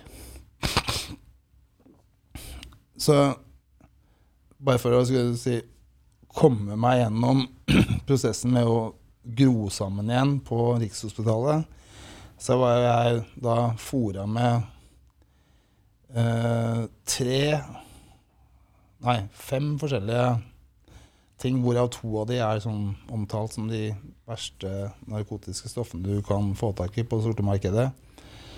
På daglig, timeslig basis på statens regning, da. Det er jo for at du er bokstavelig talt De stopper jo opp alt. Tarmene dine er jo rett og slett i sånn helingsprosess. Er umulig å se for seg. Men du er jo bevisst og går jo rundt og holder på. Eh, og du får så mye av det at du uh, får jo sånn morfinhalliser Mm. til slutt. Det forteller ikke noe om. Men heldigvis for meg så hadde jeg på 90-tallet vært borti et par uh, runder med um, psykedelia. Veldig sånn briefly. Sånn på rave party tidlig. Rave parties i 94 og sånn. Mm. Så jeg visste jo hva halliser kunne være. Jeg har alltid syntes at sånne ting er veldig morsomt da, eller Mm. interessant, så jeg var ikke noe redd for det. Men disse 70 år gamle damene som var liksom nede i gangen på Riksen her, de hadde ikke nødvendigvis vært på rave party. da. Nei. Eh, Så hun ene satt liksom i senga si. Jeg var liksom, en av tingene mine er at jeg gikk ned til et annet rom, og så satt jeg og prata litt med noen sånne eldre damer som hadde også, si, overlevd operasjon. Og så sitter hun ene sånn dame og sånn Faen, det er masse maur i senga mi. Så sier jeg nei, nei, det er ikke maur. Bare drit i dem, liksom. Nei, men de går overalt. Jeg sier, nei, det er bare noe du, du bare, bare Ikke tenk på det, bare se en annen vei, så går det helt fint. Å ja. Liksom. Det er, det er, du, har, du har sånn morfinhalliser. Det må det ganske mye morfin Jeg har ikke hørt om det før, nesten. Jeg bare skjønte at det her er um, helt på sånn Her piker det, liksom. Mm. Å ja, liksom. Altså, hun ene der hun hadde jeg god kontakt med en god stund. Så litt etterpå For ble operert parallelt. Sånn tidsmessig så ble det også skrevet ut parallelt. Og når det blir skrevet ut, da, så får du også en sånn junkie detox-plan med sånn bæreposer. Ikke sånn apotekpose som du får hvis du kjøper et par piller, men du får masse drugs med deg. Mye greier, altså. Så du tar alt det på en gang, som heter. Så Da flyr du ut av Ja, det er mye greier. Altså, du får rett fra staten Norge til eh, alle kreftpasienter på vei hjem. Så får du da utskrevet uh, så mye Men det er nødvendig, Det er nødvendig for, å, smertebehandlingen. For smerte... Men du får også en sånn nedtrappingsplan. For å, de sier ikke at Du får en nedtrappingsplan som er sånn at du blir Går gjennom noe som ligner på cold turkey, da, som det kalles hvis du er heroin-junkie og skal slutte. Så går du på et par døgn hvor du spyr opp alt du har inni deg, og ligger kaldsvetter, og alt er helt jævlig. Det som junkier da opplever som cold turkey hvis du mister tilgang til heroin, det går alle som har vært gjennom kreftoperasjon, gjennom Mm. Fordi kroppen blir avhengig av de de pillene. Ja, det sier jo seg. Men du får så mye av det. Altså hvis du tenker sånn derre Det som ofte er, som er sånn, mange paradokser i den narkotikapolitikken, men det er jo sånn at uh, hvis du skal få utskrevet cannabis eh, for smertebehandling, som du faktisk får i Norge nå, så tar de fra deg lappen. Mm. Ja, de gjør det. Ja, de gjør det. Nei, jeg Gjør kjenner en som har det Jeg garantert kjenner en eller to Mm. som har eh, cannabis som de kan dra og hente i Amsterdam og komme hjem, og begge de har lappen. Ok, men da kanskje det er noe de har lempa på nå, da. Ja, sikkert. Men det kan godt være det var Ja, sånn det var det, i hvert fall en av de tingene som jeg fikk høre av legen. Da. Så det Det du da får, som du beholder lappen på og alt Det er ingen som snakker om det. Det er Du får liksom gjerne utskrevet det som vil tilsvare kanskje 10 gram ren morfin. Mm. Det er mye, da. Som du kan ha i masse forskjellige beholdere stående på i, i medisinskapet sitt hjemme Mm. som kreftpasient, og det skal brukes som smertestillende og sånn. Og det er sånn trekantmedisin som det heter, og det er på blå resept og sånn. Det er ingen som tar fra lappen for det, for eksempel. Da. Det er Nei. ting som jeg sånn, tenker sånn Her henger det ikke sammen. Men så går det videre, da, for at alt det her er jo kjent. Altså at du får opiater som smertestillende i operasjonssammenheng og sånn. Det er ikke noe ukjent. Men så var det liksom next level for meg å forstå var at eh, når du skal inn i cellegiftbehandling etterpå igjen, eller også før, så får man sånn, sånn cocktail med piller man skal ta før og mens man eh, går på cellegiftbehandling. Og blant de tingene du får der, er noe som heter uh, dexamentason. Husker du at du har hørt om dexomentason noen gang? Nei, jeg vet Jeg hadde aldri hørt om det før, men Nei, når, det, det. når det kom fram i offentligheten neste gang, var når Trump fikk covid, før, oh, ja. eh, før presidentvalget i USA 2020, så var en av de tingene de stappa han full av for å få han tilbake igjen, var det, da. Mm. Da husker jeg jeg leste sånn derre For det var jo sånn han Legen hans uh, måtte jo offentliggjøre alt eller et eller annet- et eller annet sånn. Da ble det omtalt i norske medier som noe som var sånn helt ekstrem medisin han hadde fått. da Uh, som liksom Og så ramser det opp alle de der um, verste bivirkningene. Og det her er et stoff som er steroidestoff, og steroider er jo speed-lignende Altså det er jo sånn amfetaminfunksjon. Mm. det det skal gjøre for deg når du tar cellegift, er at du ikke skal bli kvalm. Rent kvalmedempende. Men det er speed, da.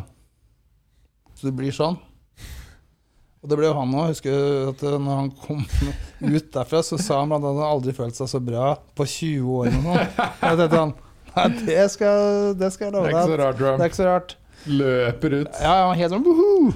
Det var liksom Men det er også helt streit, da, å gi uh, når du får uh, uh, behandling. Mm.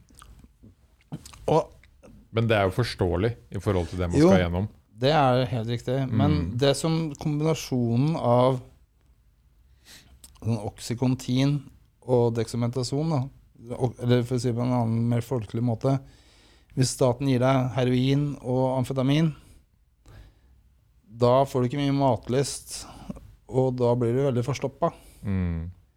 Og det som er kjent da, for narkiser, er jo at uh, hvis de røyker litt pott, så får de matlyst, og så Yes. virker tarmsystemet igjen.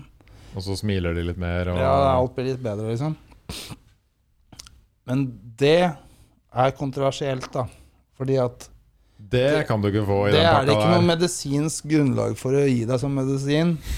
Så det fikk du ikke i andre Nei, nei, selvfølgelig får jeg jo ikke det. Så, men, men så jeg tenkte sånn Her kan jeg ikke Altså Når du er i en sånn behandlingssituasjon, da det folk ikke forstår med sånn cellegiftsbehandling, er at eh, som tenker sånn Hvorfor er det sånn kreftpasienter ikke har så mye matlyst og sånn? Det er annet den cellegiftbehandlingen som er veldig to heavy medisin. Mm. Det den gjør, som jeg pleier å si som godt bilde av, var at eh, Hvis du kan tenke deg å drikke et glass vann, føles det ut som du trykker inn en tørr, tørr loff i halsen. Oh, Det er liksom der. Det er helt sjukt. Ja. Så det er liksom grunnen til at du ikke har matlyst, blant annet. Da. Det- Det å få i seg noe er helt sånn derre blokk. Og så blir du forstoppa av disse heroinpreparatene. Mm. Heldigvis for, min del så liker jeg ikke den eh, skal jeg si, rusbieffekten av sånn morfinverden. da. Mm. Og, men det er det mange som gjør, dessverre. Ja, for det kan være litt avhengighetsskapende. Er veldig avhengighetsskapende. Ja. Men det er avhengighetsskapende hvis du Det er nok mest avhengighetsskapende hvis du ikke har lyst til å gjøre noe særlig. Ja, ikke sant. Hvis du liksom Hvis du har gitt litt opp. Ja, eller trenger bare helt sånn Hvis du vil være totalt nummen da, mot alt. Ja. Hvis du er på en måte interessert i livet og ting, og liksom vil tilbake igjen i verden, så er, det, ikke, ja, så er det jo det er nok, Da er det jo ikke det så appellerende. det er sjukt det du sier uansett, eh, Anders, at man på en måte Du kan få en bærepose som basically inneholder speed og morfin og masse annet. Oxycontin og Ja. masse annet. Men weed, det er fy-fy.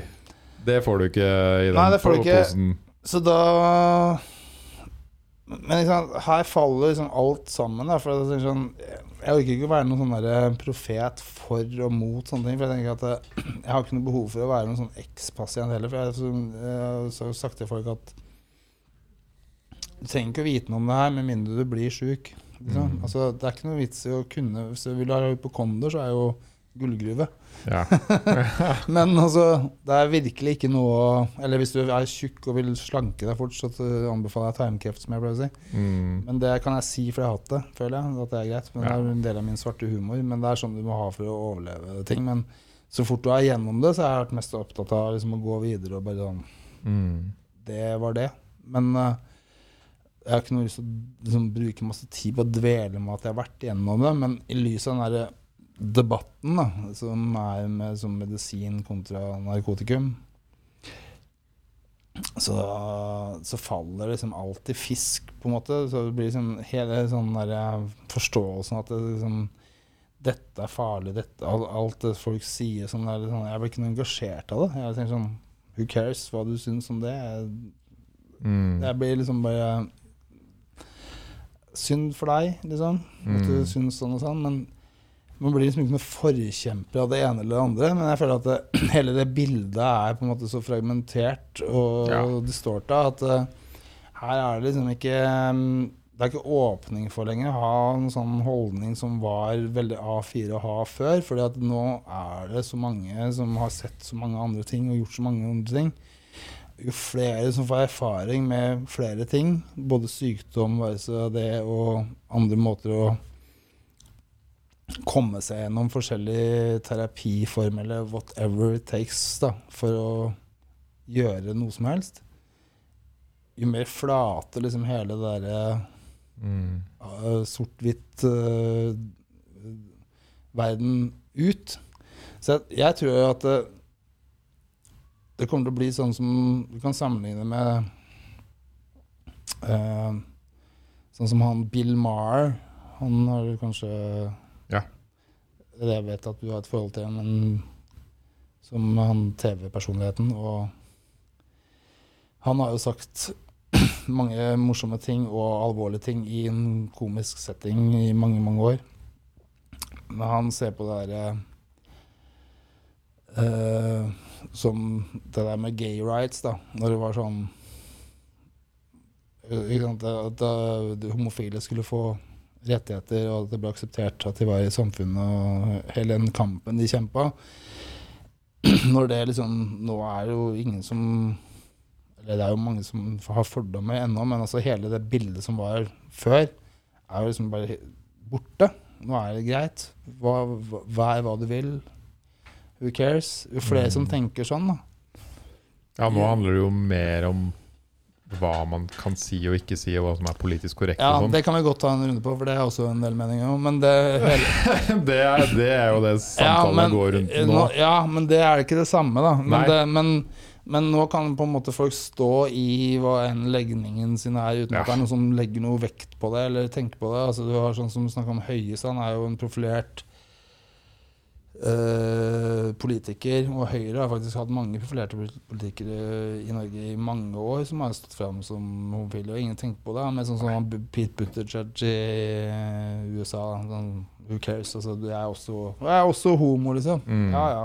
Altså, Topp. what? Ja, Ja. Hva, hva, hva er hva du vil. Hva enn du liker. Ja, hva enn du vil. Men ikke sant? sånn blir det nok med narkotikapolitikken nå. Mm. Jeg tror det er det som er løsningen. Det kan Jeg, jeg, jeg tror jeg er såpass po uh, positivt innstilt til det at jeg tenker sånn Det bare tar tid. Sånn, det, det bare tar litt tid, og så bare til slutt så blir det sånn ah, Var vi imot Eller hva var vi imot egentlig her? Altså At folk begynner å sånn miste Altså Jeg håper at man kommer dit, da. Ja. Men veien dit er nok broket, da. mm. Um, Men det er sånn Og så har det jo mye å si i den veien til det du snakker om og at faktisk man nå har forskningen med seg da, på mange av disse ikke sant, MDMA og sopp, og man Ja, ja. forsker på at det faktisk kan hjelpe folk.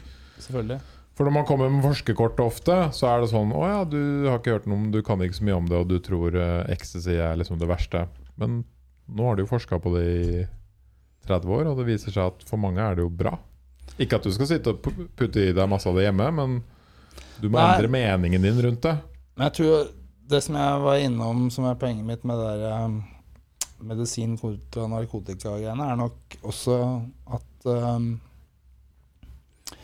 sant? Hvis jeg beskriver hva jeg led av, og forteller hva jeg tok for å komme gjennom det, Mm. og alt var på en måte fra uh, Rikshospitalet og Ullevål sykehus og fastlegens uh, program for å få meg gjennom noe, da.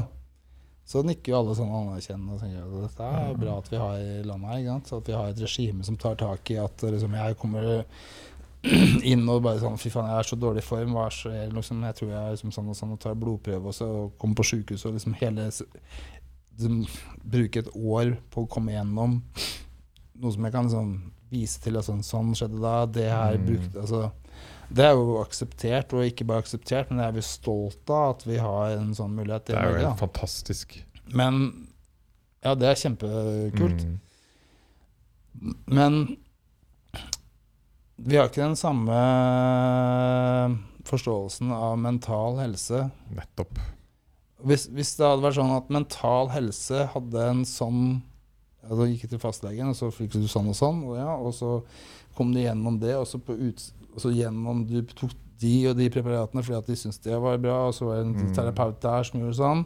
Og så fikk du sånn, og nå sitter du her og er liksom happy og kommet deg videre og skal videre igjen. Wow, så bra at vi har det sånn. Der er vi ikke i hele tatt, da. Nei. Men det, kom, det er liksom en, i hvert fall en oppvåkning, virker det som, nå. Ja, det er nok det, og den er nok ganske gryende, vil jeg si, i Norge, da. Ja. Du er jo en del av det. At man på en måte kan nå faktisk gå på ketaminklinikk i Oslo. Mm. Det er jo Da skjønner man at det er en endring på vei. Det er masse sånne spennende ting som jeg syns er veldig gøy at fins, men det som er det viktigste for folk da å akseptere, er jo at det fins jo ikke noe sånn derre skille, da. Det er medisin Hvis du hadde kalt Var det som var poenget mitt med det med drugs? Mm. Hvis, det, hvis det aldri hadde vært liksom et annet ord, da. Det var liksom bare Disse medisinene er sånn, men disse medisinene er sånn. Hvis du begynner liksom Er det medisin alt sammen? Kanskje Altså til, til sitt bruk, da. Å ja, er det det, ja? Ja, Det høres uh, mer logisk ut, liksom. Mm. Hvis noe bare har et sånn ehm, Hva kan man kalle det sånn En sånn sekkebetydning, da. Så jeg tenker sånn, sånn for eksempel som psykedeliske ting med sånn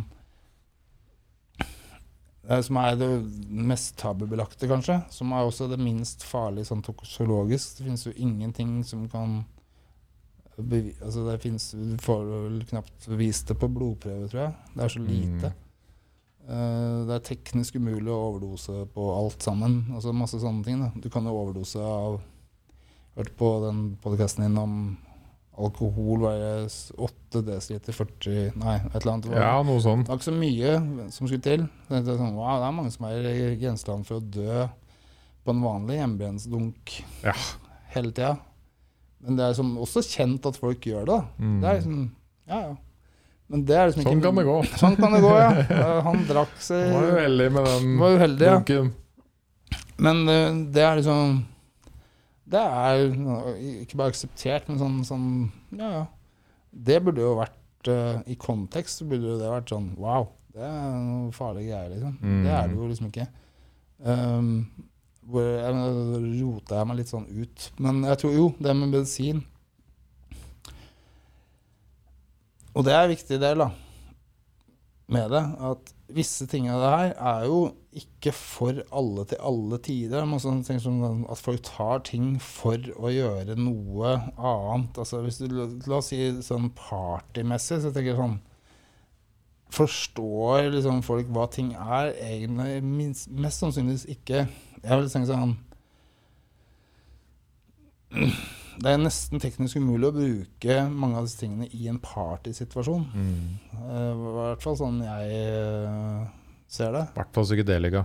Ja, det går liksom ikke. Jeg ser ikke, det ser liksom man være ikke på en festival på fjellet, liksom. Jo, jo, men da blir det sånn Men som sånn terapi Hvis man folk har tenkt sånn uh, Er det ikke Sam Harry kanskje som har sagt sånn Meditasjon, hvis du gjør det hardcore, da, meditasjon, kan det skikkelig, så er det noe som å uh, bestige et fjell, på en måte. Ja. Sakte, men sikkert. Men så her får du liksom sånn ticket to ride. Men liksom hva folk bruker det Det høres liksom veldig sånn forlokkende sånn wow, craziness, og så er det party-party. Folk tenker på da er det sikkert noe party. Sånn, nei. Hvis, hvis noe er forbundet med sånn, sånn åndelighet, sjamanisme og sånn, så er det mest, da tenker jeg ikke jeg party. Da må det være noe annet. Da må, det, gå, Absolutt da må det være noe som går innover, da. Og folk, i min erfaring, er veldig opplyste rundt det her. Fordi de har internett. Og du kan lett google ting. Ja, nå, ja. Ja, er, Jeg tar en til, ja. Og ja, i dag altså, som, som er veldig positivt. Det betyr at, at liksom, du tenker ikke bare 'wow, sopp, nå er jeg på fest'.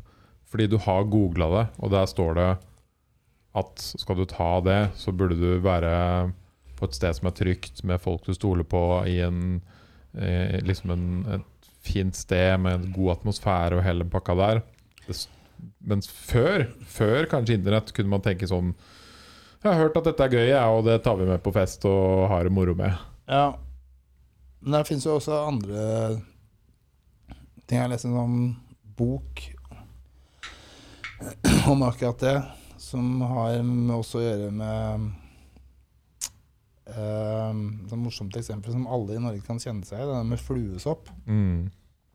Den er jo vokst opp med at det er ikke bare giftig, men du dør av den. Jeg tok meg sånn sopp- og nyttevekstforeningens soppkjennekurs faktisk i, Ja. i fjor. For jeg var sånn, tenkte, sånn, Pandemien har jo også gjort meg at man tenker sånn Hva slags hobby er det jeg ikke fikk meg som jeg var interessert i? Så jeg tenkte at det er jeg interessert i blitt. da. Eh, og så Jeg liker jo veldig godt å gå i skogen. Og har gått mye i skogen. og Mm. se mye ting. Og jeg har lyst til å lære meg mye mer om hva som finnes i naturen vår. Da. Det fins jo én fluesopp som heter den hvite fluesoppen, som er dødelig giftig. Bru- Hvor dødelig er den da? Nei, den er, den er faktisk ganske giftig, altså. Ja. Den er ikke noe lett å ta feil av, for den ligner ikke på de andre. Den har ikke sånn karakteristisk hatt med de der prikkene på. Den har en Mm. sånn slags hvit marshmallow-smelta look. Mm.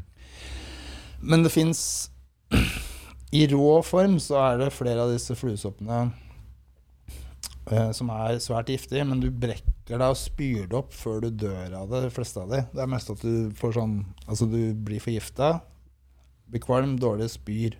Det er, Dårlig, det, er- det er Kroppen kroppens måte å eh, få det ut på. Men det fins fluesopper som i seg selv er i den familien, som også er spiselig, helt vanlig, som ikke har noe ting med seg. Men den røde fluesopp- fluesoppen fins det et stoff i som tidligere i tider ble brukt i tørka form som sovemedisin, blant annet. Oh, ja. ja. For jeg har hørt, eller lest, eller jeg vet da faen hvor jeg har fått det fra, folk som har tørka fluesopp. Så vær forsiktig med det. Altså, det, her, Ja, det er jeg noe- anbefaler ingen å gjøre det, er, det. er ikke noe promotering av det. Nei. Poen- Poenget mitt er at, at det, det fins det finnes, um, ting i naturen som på en måte er lett å peke på som sier den er farlig, og det er jo riktig. Ja. Du har jo lyst til å si til barna men- dine at Ja, sant, den men- er farlig. Ja, faktisk. Uh, det er litt sånn interessant sånn kulturhistorisk da, at den har en For eksempel, du har vokst opp med Super Mario. Hva er det han spiser for å bli stor og sterk? De der fluesoppene. Ja, ja. Og så er det noe som også sier at de ga det til reinsdyrene. Altså den uh, sibirske uh, Altså også samiske kulturen. Altså, sånn, men sibirsk Altså Nordkalott-urbefolkningen. Mm. De ga visst det til reinsdyrene, og da ble de liksom mye mer medgjørlige og liksom var Men de kunne også bli lekne. Så den der Hva slags klær er det julenissen er kjent for? Han har røde og hvite klær. ikke sant? Mm. Og det er sånne myter da om at han reiser rundt med tørka fluesopp til alle. Og de Det er for å få liksom sove med sånn Men med veldig sånn sterke visuelle drømmer i de sove... Altså du sov liksom i tolv timer med super sånn uh, visuelle uh, drømmer, da. Det høres for meg ut som Hvis det er en viktig del av kulturen, da, så er det jo noe der. Det er, det er en del sånne derre ting som dukker opp nå via forskjellige ting. og At folk forsker på sånn urfolksting i mange verdensdeler. Det er mange ting som ikke vi har forstått med naturen. Og som har som gått glemt liksom, glemt opp gjennom og tiden. undertrykt av bl.a. verdensreligionen de siste tusenåra osv. Heksebrenning og Det er mye greier der som henger sammen med mye av disse tingene. Så disse heksene, for eksempel, mange av de var jo medisinsk skolerte i sin samtid med urter Mm. og vekster og visste masse ting om ting. Og kunne få folk, helbrede folk og vise dem en annen spirituell verden også. Ja, hva var det for noe? Et kjempetussel mot uh, kristendommen, blant annet. Da. Mm. Og med en gang ting Det spiller litt tilbake på det vi snakka om tidligere, med min interesse for black metal og, og sånne ting, og death metal. Også den ekstreme uttrykksformen. da, Å være imot kristendommen og sånne ting fra da vi var små. Hvis alle i samfunnet peker mot og sier 'dette er forbudt', 'dette må du aldri gjøre', det kommer du til å dø av. Ikke sant? Hvorfor hvorfor? Så bare, du, vet du ikke hva du skal tro.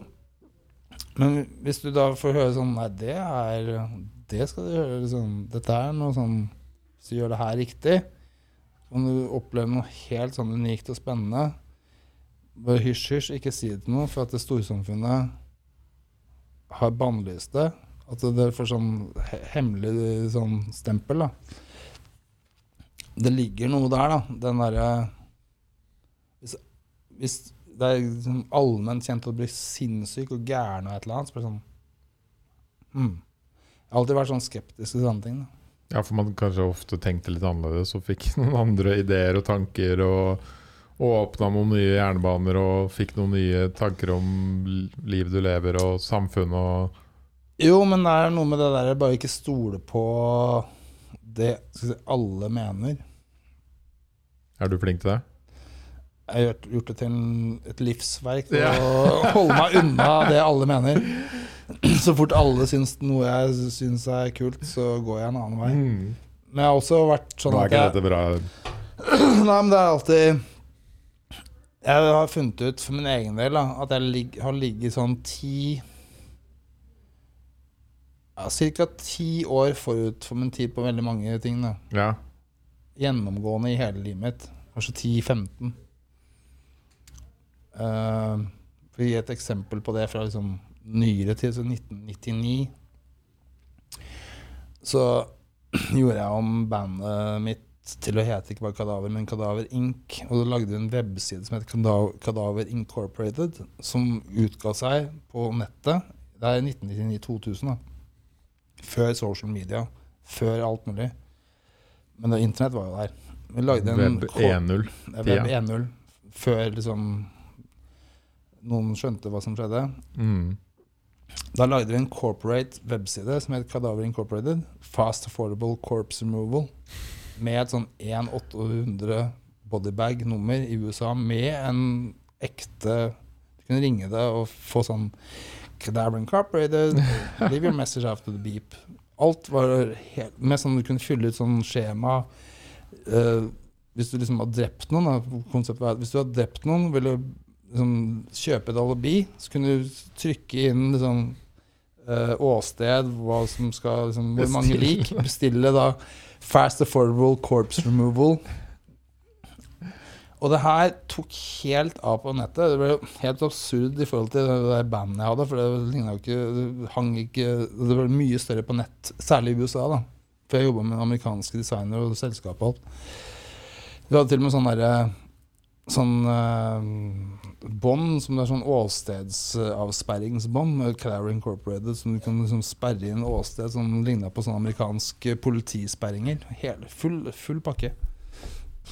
Og Ja, da ypper du på deg noen folk. Ja, og, men vi ble faktisk kåra til Yahoo's, på Yahoo's Top 10 Humor Sites of the Year Ja. 2000. Så folk klarte å se på det som humor. Ja, de som skjønte, skjønte det. Ja. Men det var sånn at du kunne fylle ut alle skjemaene, få kvittering på at alt var levert, og alt er right at det er base på det ene her. Det burde egentlig vært sånn, Hvis det finnes sånn internettmuseum, så har jeg en sånn skal jeg Det gjør det. Gjør det? Ja, ja. Jeg, jeg burde egentlig ja for ha siden er ikke der eh, opp, den Nei, nei, nei, vi hadde kadaverink.com og alt, men altså For det fins. Jo da, jeg vet. Nei, jeg har, jeg har øh, Altså han som designer det for meg, sånn, han øh, Vi har lagra alt sammen. Jeg har hele harddisken full. Vi har lagra på forskjellige steder, så vi har hele pakka. Men ja, den type internettspoof, humor, svær sånn, gikk viral, da, og alt var som millioner av treff. Seriøst. Det var helt vilt. Det er helt glemt, selvfølgelig, for det er sånn Mm. det skjedde i en tid hvor ikke ting registrerte. At hadde det vært kombinert liksom, med social media, så hadde det jo sikkert vært ballistisk nå. Ja. Altså sånn. Men da, med en gang det var liksom over, så gikk jeg liksom alltid sånn videre. Altså, da, liksom, vi var jo inne på MySpace fra day one og liksom var veldig på alt det greiene der. Men alltid sånn med en gang ting tar av, så mister jeg liksom Eller, er eller vil ikke jeg mister interessen for liksom Det som trigga meg, var det nye og spennende med det, og hva det kan gjøre. Og så med en gang det er sånn at det kan mest sannsynlig liksom generere et eller annet sånn prosjekt eller bli noe annet, sånn, så har jeg bare gått videre og liksom Mm. funnet noe nytt. da. Så det har liksom alltid ligget liksom Som bare sånn pre-gründer, kan du kalle det Ja, ja. sånn idémaker, men bare Og fått til ting, og bare gått videre. da. Latt det passere som en del av sånn funny greie å gjøre. Og alt skal jo ikke liksom høstes inn av, eller sånn, men jeg tenker sånn, på det vi snakka om i stad, så tenker jeg sånn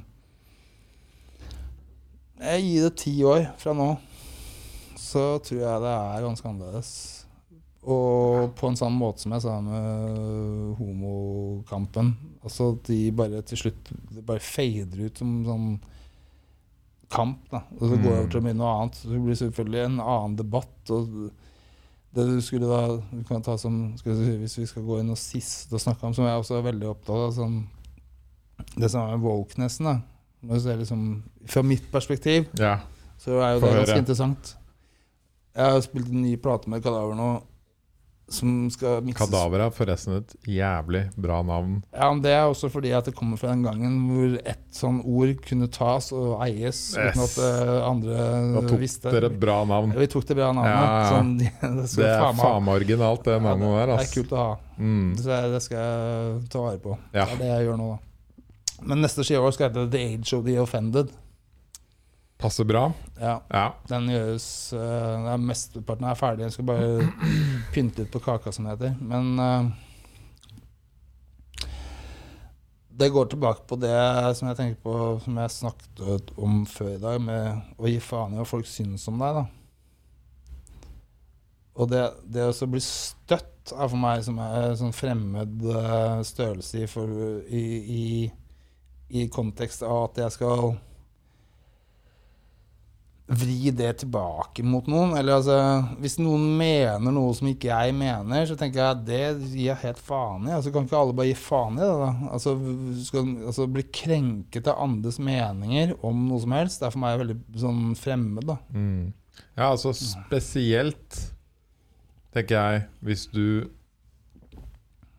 Hvis du på en måte Hvis det ikke er noe vondt i det du mener. Nei, det er selvfølgelig graderinger. Altså, hvis Ja. folk eh, Ja, det kan jeg det, hvis du skjønner? Ja. Ja.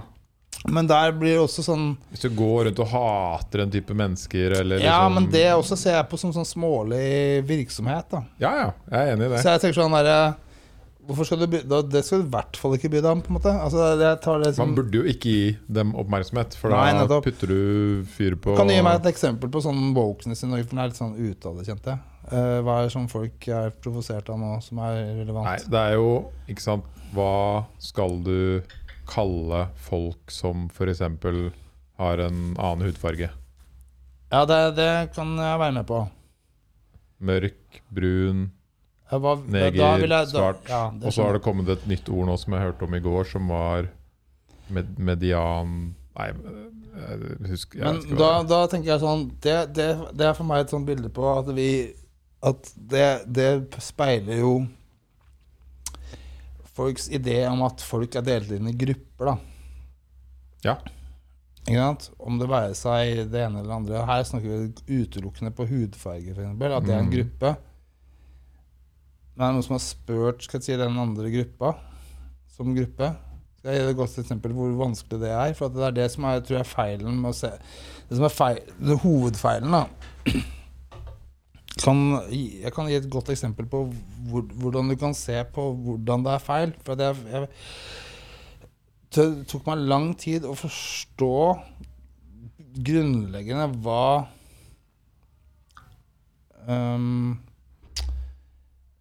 Det grunnleggende problemet med at man ser ned på noen pga. hudfarge, bunner i fra den andre siden. På hvilken måte da? Nei, det som, det som jeg har skjønt, som jeg tror jeg har skjønt, da Det er det grunnleggende er at vi alle bare er mennesker, da, ikke sant? Ja. Det er jo egentlig forståelsen. Vi kan stoppe liksom Det er baseline. vi, vi kan si at alle er mennesker. Men så har du sånn Du har et behov, da. La oss si Hvis du skal identifisere andre som en gruppe, så må du på en måte forenkle de på en måte som du selv ikke ville godtatt at de hadde forenklet deg, hvis du skjønner. Mm. For da ville, da ville det vært Hvis du snur det, da, så ville sånn Alle hvite er nazister.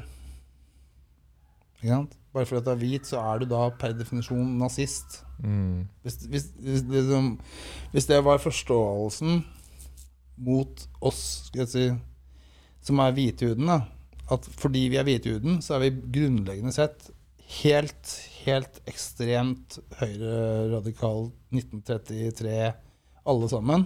Og sånn er det. Bare snakka. Snakker ikke mer om det. Vi er bare sånn. Hadde du godtatt det som premiss? Nei. Nei, det selvfølgelig ikke. Og det er det vi på en måte tar feil av, da. Hvis du ser det andre veien. Mm. Jeg tror ikke noen som er mørk i huden, som jeg har møtt, La oss si et godt eksempel, da. I USA eller Sør-Amerika sånn, hvor det er masse metal-fans som faktisk er mørke i huden. da. Uh, og det ser du ikke så ofte her. Det er noen få, men altså der er det sånn at der er så store grupper. Og det er liksom, når det kommer da folk som er mørke i huden, men metal-fans på metal-festival i Oslo som utlendinger, så er det sånn Wow! Fett. Yes. De har endelig kommet hit, og liksom, de, er, de er i hvert fall genuint interessert i dette her. Mm. Skal jeg love deg, liksom. Det, de blir, på Inferno-festivalen for eksempel, i Oslo, da. Det er ingen som går der og tenker sånn her Han svarte, der, Han er, fy faen, han er fra Brasil. Han er fra Brasil, bør det da. Mm. kult. Fett. Som det burde være. Ja, og da tenker jeg sånn Det løser jo på en måte hele Altså Hvis du, interesse, hvis du, hvis du ser folk da sammen med deg, interessert i det samme som deg, så er det liksom greit på en annen måte. Men jeg tror liksom Her er vi liksom Her skjønner ikke de som prøver å lage reglene, noen ting. Ta et annet eksempel på hvor galt det kan være hvis du skulle stigmatisere en gruppe. da. tror jeg det går an å gå ned til hva jeg skal si Hvis man kaller de narkomane, som vi snakka om. Mm. Hvis man tenker at de er en gruppe da, som kan samles og være enige om at disse menneskene er de narkomane i samfunnet, de er jo de er narkomane, de er de sammen, det står de i, og de kjenner hverandre som, igjen som det. Kan man da liksom gå ned til folk i Brugata og be de alle sammen ta på seg liksom en oransje skjorte, samle seg i et sånn gruppebilde sånn Er alle de narkomane? Nei, jeg tror ikke det er sånn heller Nei. Du, der liksom, du, du kan, du kan ikke stue sammen folk i en kategori som du har lagd sjøl, om andre. For jeg tror ikke de som er i den gruppa, ser det. Nei. Og det har jo vært problemet opp gjennom tiden de siste Og det er liksom, der, der faller liksom hele det prosjektet med å liksom finne ut hva du skal kalle folk for meg. Sånn hvorfor skal du kalle noen noe som helst? Altså, hvis du skal beskrive liksom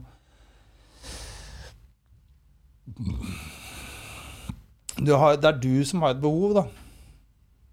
Å, det er du som har et behov for å definere at noen er noe som du da må liksom sette Du klarer liksom ikke å identifisere den personen som menneske. Du må si at det er liksom For å skåne den personen for liksom en eller annen fordom du har, så må du lage et nytt ord eller bilde på den personen. Er for meg så høres det som liksom har investert så mye at du ser den andre personen som noe annet enn deg. At du liksom bare bytter tag, hvis du skjønner. mm. Inni hodet ditt så, så har du lyst til å si N-ord eller svarte whatever, men du bare bytter navn for å tekke sin egen fordom. Hvis du skjønner? Mm.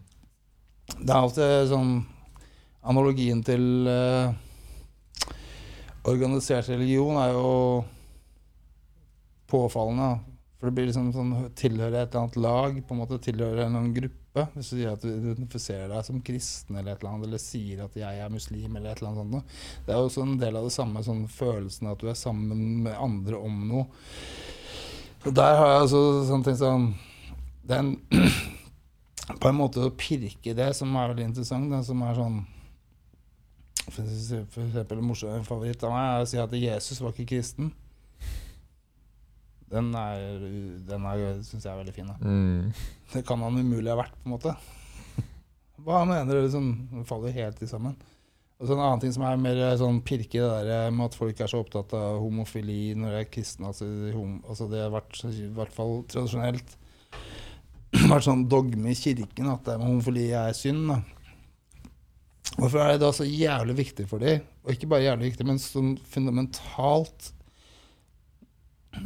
grunnleggende for forståelsen av deres verdensbilde at en mann var sammen med tolv andre menn i en gruppe, og hvis du sier at han var gift med en dame, eller hadde pult en dame eller fått et barn, så er det blasfemi. Og Men hmm, Hvorfor er det det viktigste å forfekte, hvis du samtidig skal liksom si at Nei, menn kan ikke være som en menn. Men du, du tror jo liksom på alt du sier at du tror på, er, er fundamentert på en fyr du sier var sammen med kun menn Men- hele tiden og aldri var gift, aldri hadde som en dame, aldri fikk barn. Det er det viktigste i livet ditt at han ikke gjorde. Men samtidig så er du liksom opptatt av at han ikke, ikke var homse. Ja, Hvordan får det du det til å bli. Hvordan får du det sammen? Det er, det er sånn, sånn, mind games som jeg syns er gøy å fucke med folk. Hvis de, men det, det var gøyere før, da. Jeg er enig i det. Det var gøyere å fucke med folk på det. Men det er en del sånne Hvis du skal ta fra folk livsløgnen, så tar de fra deg alt. Det er ikke noen som sier det. Altså, noen ting må folk henge seg opp i, tydeligvis. Det er det. Og samtidig da bli liksom juica av media i tillegg, da, som elsker å hive seg på ting som Men de hauser jo opp ting. Ja, hauser opp. De elsker jo det. Sånn sett så er det jo sånn fascinerende også å se Hvis en person sier at uh, du kan ikke bruke ordet gay, Nei. og så bryr egentlig ikke så mange seg om, om det om den ene personen sier det, for de fleste tenker sånn Jeg bryr meg ikke, jeg syns alle skal få kunne gjøre det, akkurat det de vil.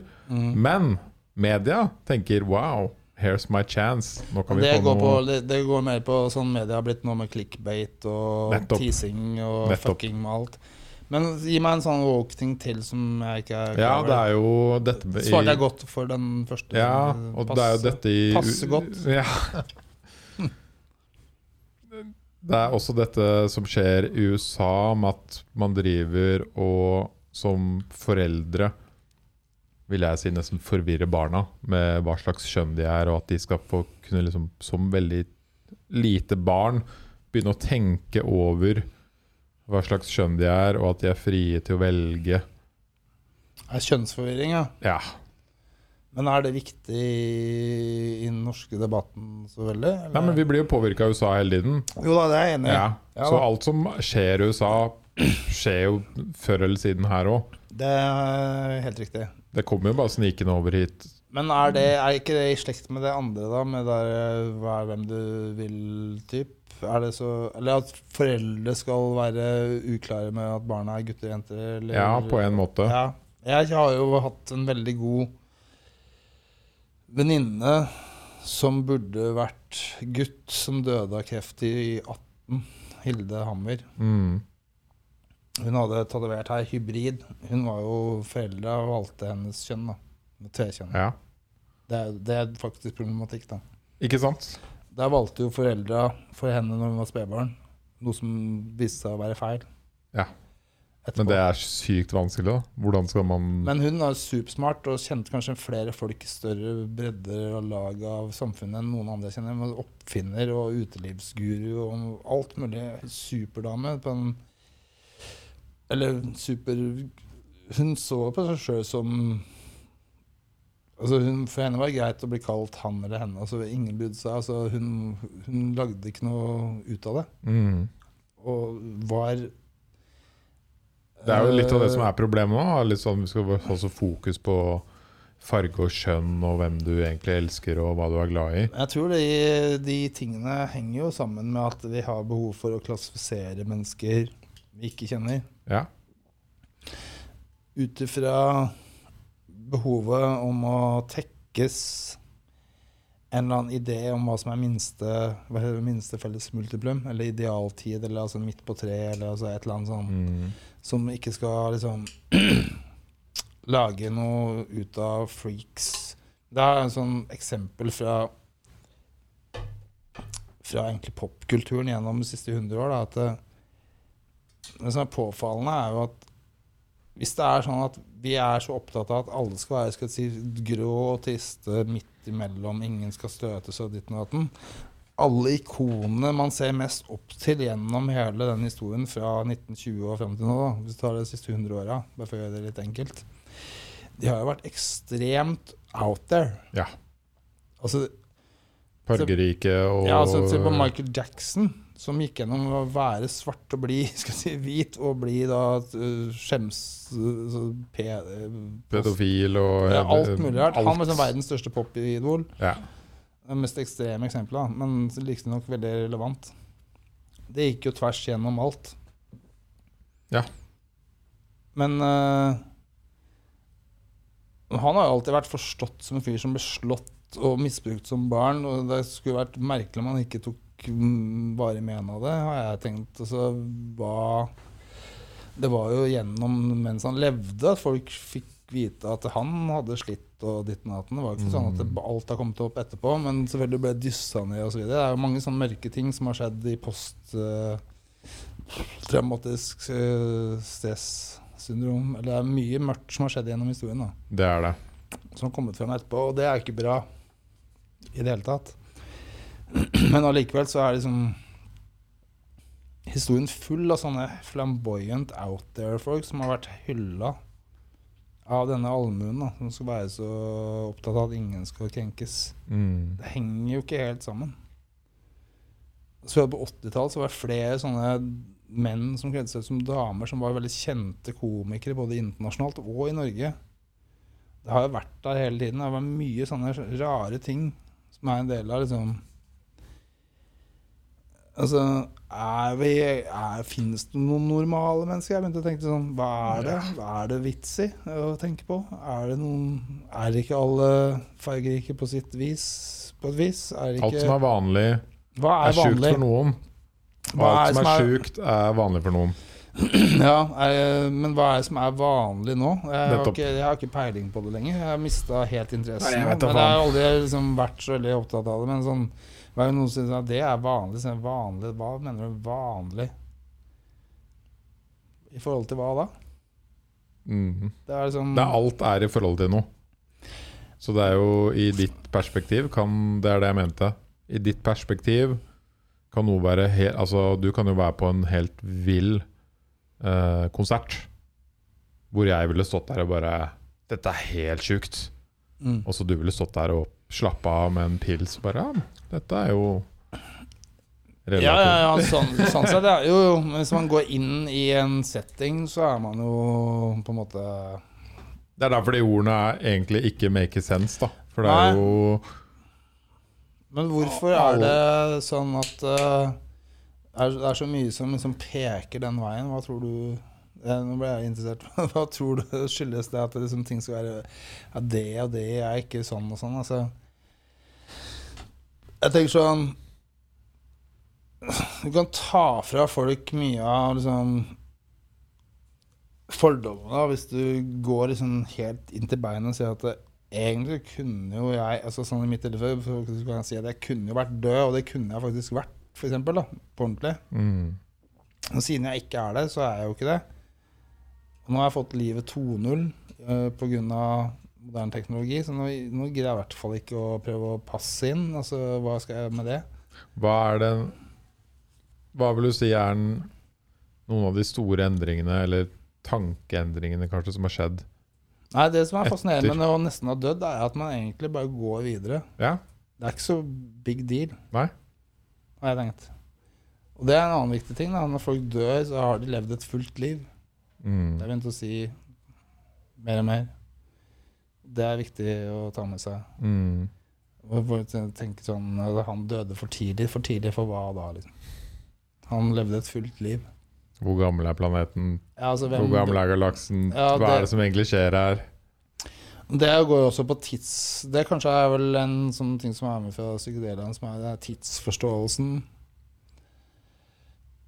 Det er kanskje det jeg tenkte liksom, Hva har det gitt meg? Det tror jeg det har gitt meg. At Ja. Jeg har fått et endret syn på tidslinjeforståelsen. Tidsbruk, tidslinje, hva som er hva. Altså kvantitet, kvalitet.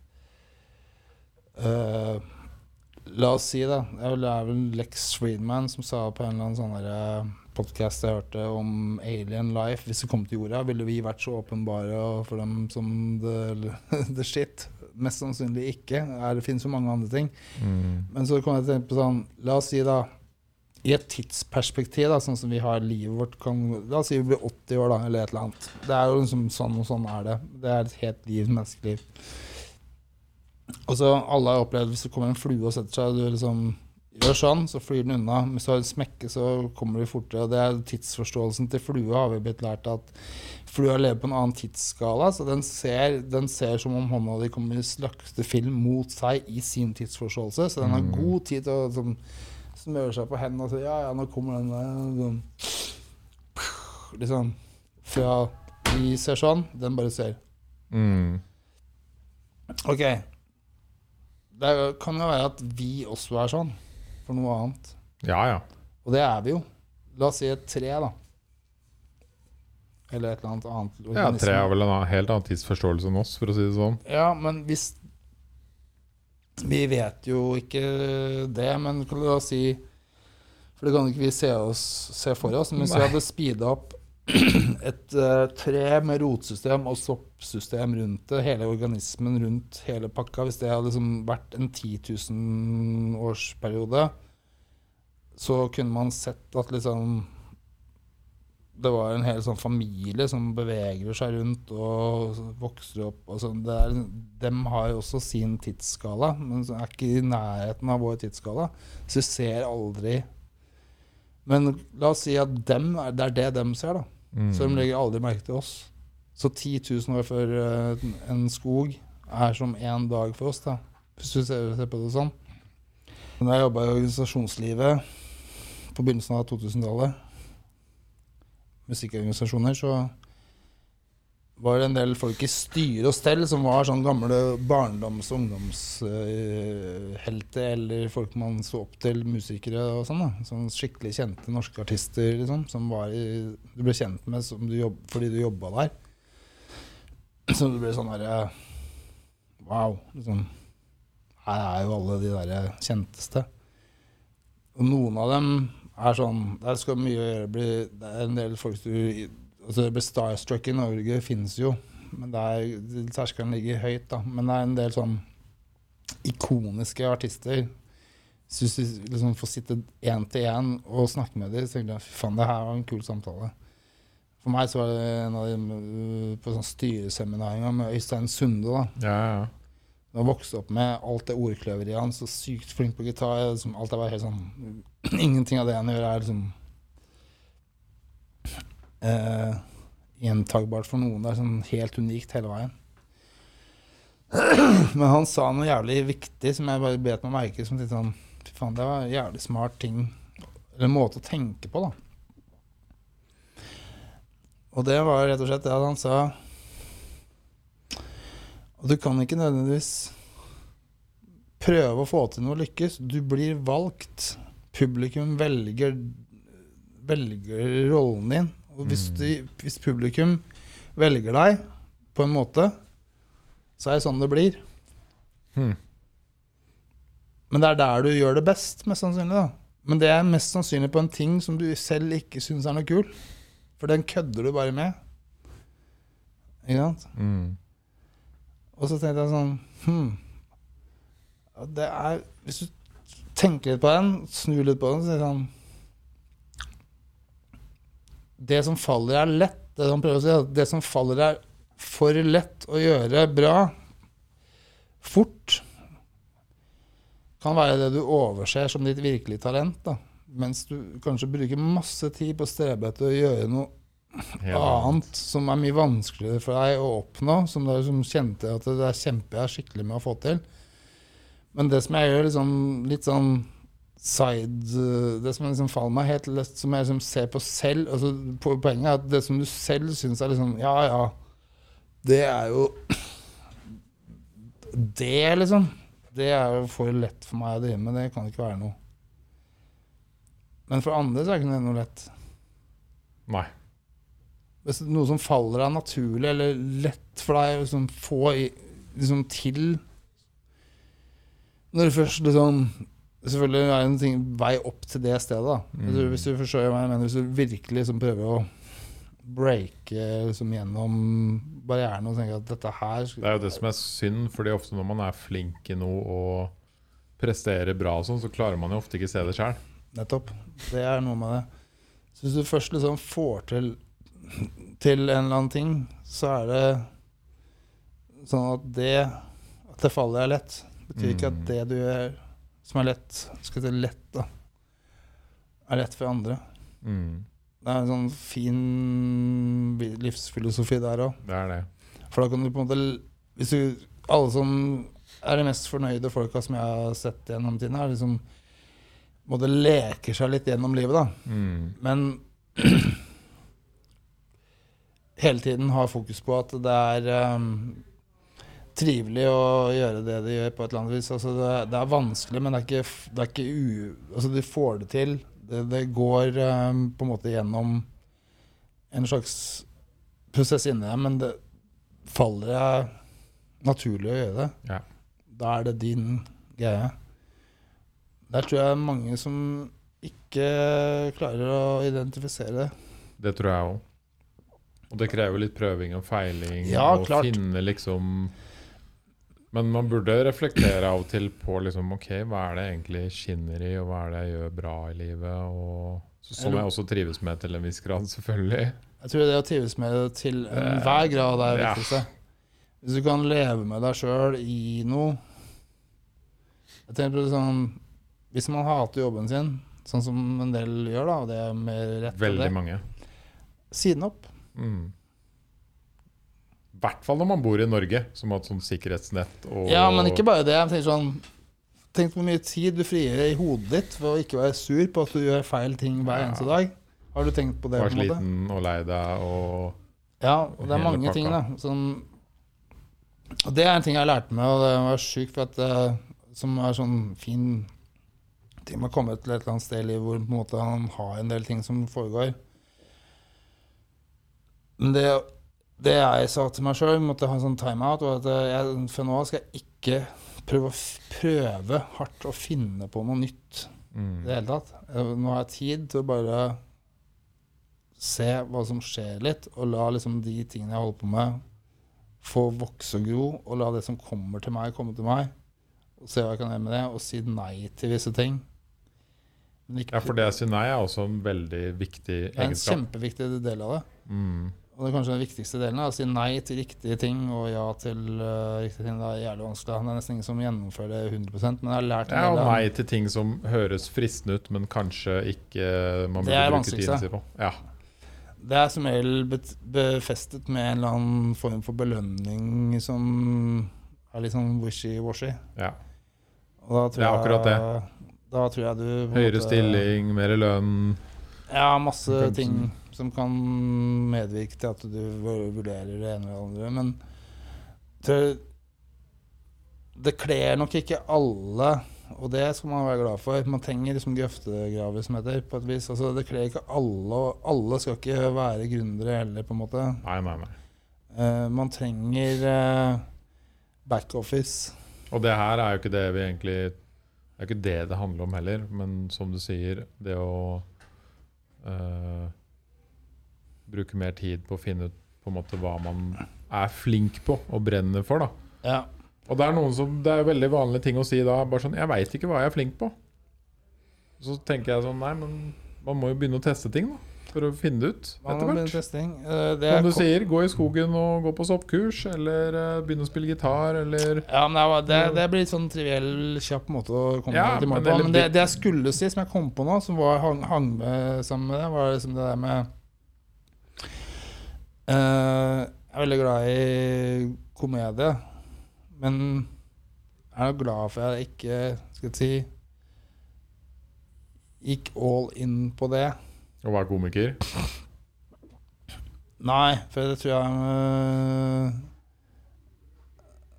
det, er, det, det er jo veldig morsomt å si at man syns det ikke er noe gøy å drive med humor. Mm. Men øh, det som er gøy med humor, er når humoren er sånn Du snakka om det woke-greiene som jeg skulle som det jeg kom fra. Nå kom jeg på hva jeg kom fra. Så er det med at folk blir støtt over ting. For jeg, jeg kjenner jo sånn Bare Egil og den gjengen, den derre Debatt og den verden Mm. den, De gutta er jo samme alderssegment som meg, og jeg har liksom kjent hverandre i mange år. Jeg var på sånn foredrag eh, i sånn seriøs sammenheng, sånn Norsk komponist, Popkomponisters Forenings seminarer, hvor Egil skulle fortelle om sin låtskrivermetode. Ja. Uh, så tenkte jeg at det her blir jævlig gøy, for det er sikkert sånn blanding av at det er, er det er noe der, men det er sikkert noe sånn twist her som blir funny. Og de som ikke er forberedt på det, de blir tatt på senga av det. Da hadde han han um, Aslak, som spiller også i Debatt og er en del av den Gartnerlosjen-gjengen sittende i salen. Så to eller tre minutter inn i foredraget om hans låtskrivermetode, så sier Aslak sånn, roper bare ut fra en sal hvor det er 200-300 mennesker da, Er du ferdig snart?! Alle bare det der, Fy faen, nå dreiter det ut. Det er, liksom, det er en del av humoren. Og den derre som de kaller Zack Galifianakis, og også litt sånn, hva heter han der som Jim Carrey spilte den filmen 'Man on the Moon'. Ja. Altså Den type humor, da, som er sånn humor som egentlig bare er sånn er, det her, er det egentlig humor, eller er det gøy? Så er det bare sånn derre Det bare pirker i den der måten vi mennesker lager sånn skuespill av settinger, da. Mm. Hvor, hvor liksom Det, det syns jeg er fascinerende, og det, det, er nok litt av det i det te teatralske, denne musikktypen jeg har valgt, som egentlig henger litt sammen med en sånn greie. For liksom, det er jo jævlig funny, på et vis, at man tar på seg makeup og kler seg ut og spiller masse sånn aggressive ting, og folk syns det er helt A4 på en måte i den settingen. Mm. Det er sånn, det er noe sånn befriende sånn derre Fuck alt du har tenkt om hva man kan finne på her en kveld eh, i det. Som har en sånn dyp rot i den derre mørkeste formen for sånn performance-greier. Det er liksom ikke humor, men samtidig har jeg tenkt at det er en form for meg så er det kanskje en form for humor. I den forstand at det er en form for teater. Altså det å gi en Mm. performance, det gir et teatralsk tilsnitt, er en form for sånn derre opp, å opphøye noe til noe. Er, det er noe gøy der som er på en måte Mm, det, er sånn, det er mye gøyere å gjøre det sånn enn å bare stå i de klærne du kommer i og spille låtene. Altså den der greia sånn Band skal være sånn, ekte og spille det sånn. tenkte jeg, Fuck you. Altså, det er ikke det som er gøy. Det er ikke derfor du drikker Kiss. Nei. Altså Det er noe med det derre Men det er ikke Det er noe sånn Det er, det er når ting lever på kanten av det, sånn, Er det alvorlig? Er, ja, det er alvorlig, men er det hva er undertonen? Hva er sånn, er det noe sånn kødd, er det tripp- ja, er sånn trippel bunn. det er Sånn masse sånne derre layers av kontekst. Så du kan bare å, avfeie det, latterliggjøre det. Enhver sånn god performance skal være for kritikeren mulig å gi terningkast én hvis han ikke forstår det på et vis, mens Mm. han som forstår det og digger det, skal gi det terningkast seks. Det går an å ha liksom de to synene på det samme man ser på. Ja. Uh, det er liksom ikke noe som er kun briljant og kun fadese. Hvis man gjør det på ordentlig, da. Så hvor god man er på det, tror jeg ingen kan si med sikkerhet. Men det er, sånn- det er, sånn derre- det er noe med også Den derre Å lete etter det du sjøl ville synes øh, Som du var ukomfortabel med å gjøre. Som du bare tenker Fy faen, han tør det. Det hadde jeg aldri turt å gjøre. Det der Hank von Helvete å være tjukk og stå bare overkropp med sminke og være den greia der. Altså, det er noe gøy med det, da. ja. Og jævlig ekte. Ja, og så er det sånn derre Det er liksom Det er noe i den der miksen der som det at det appellerer når ting er sånn helt ute av kontroll, og når ting er sånn Sånn hadde jeg aldri turt å gjort det-faktor. Så jeg tror det kanskje har vært en sånn del av letinga. Så sånn, til syvende og sist, konklusjonen er jo det at man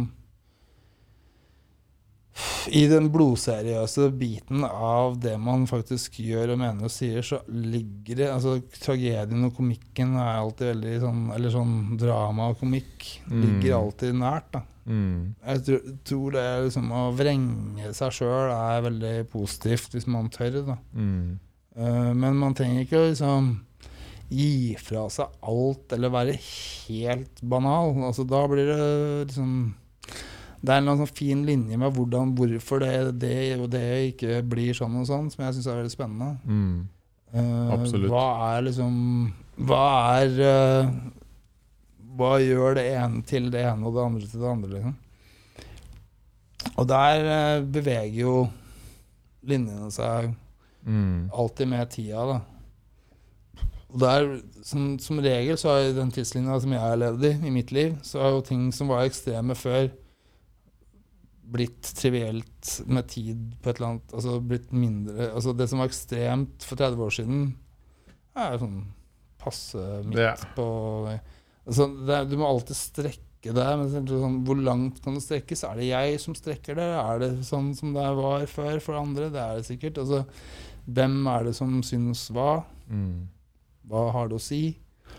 Hva har tidslinja å si med liksom, komprimering av når ting kommer? Har det kanskje ikke noe å si?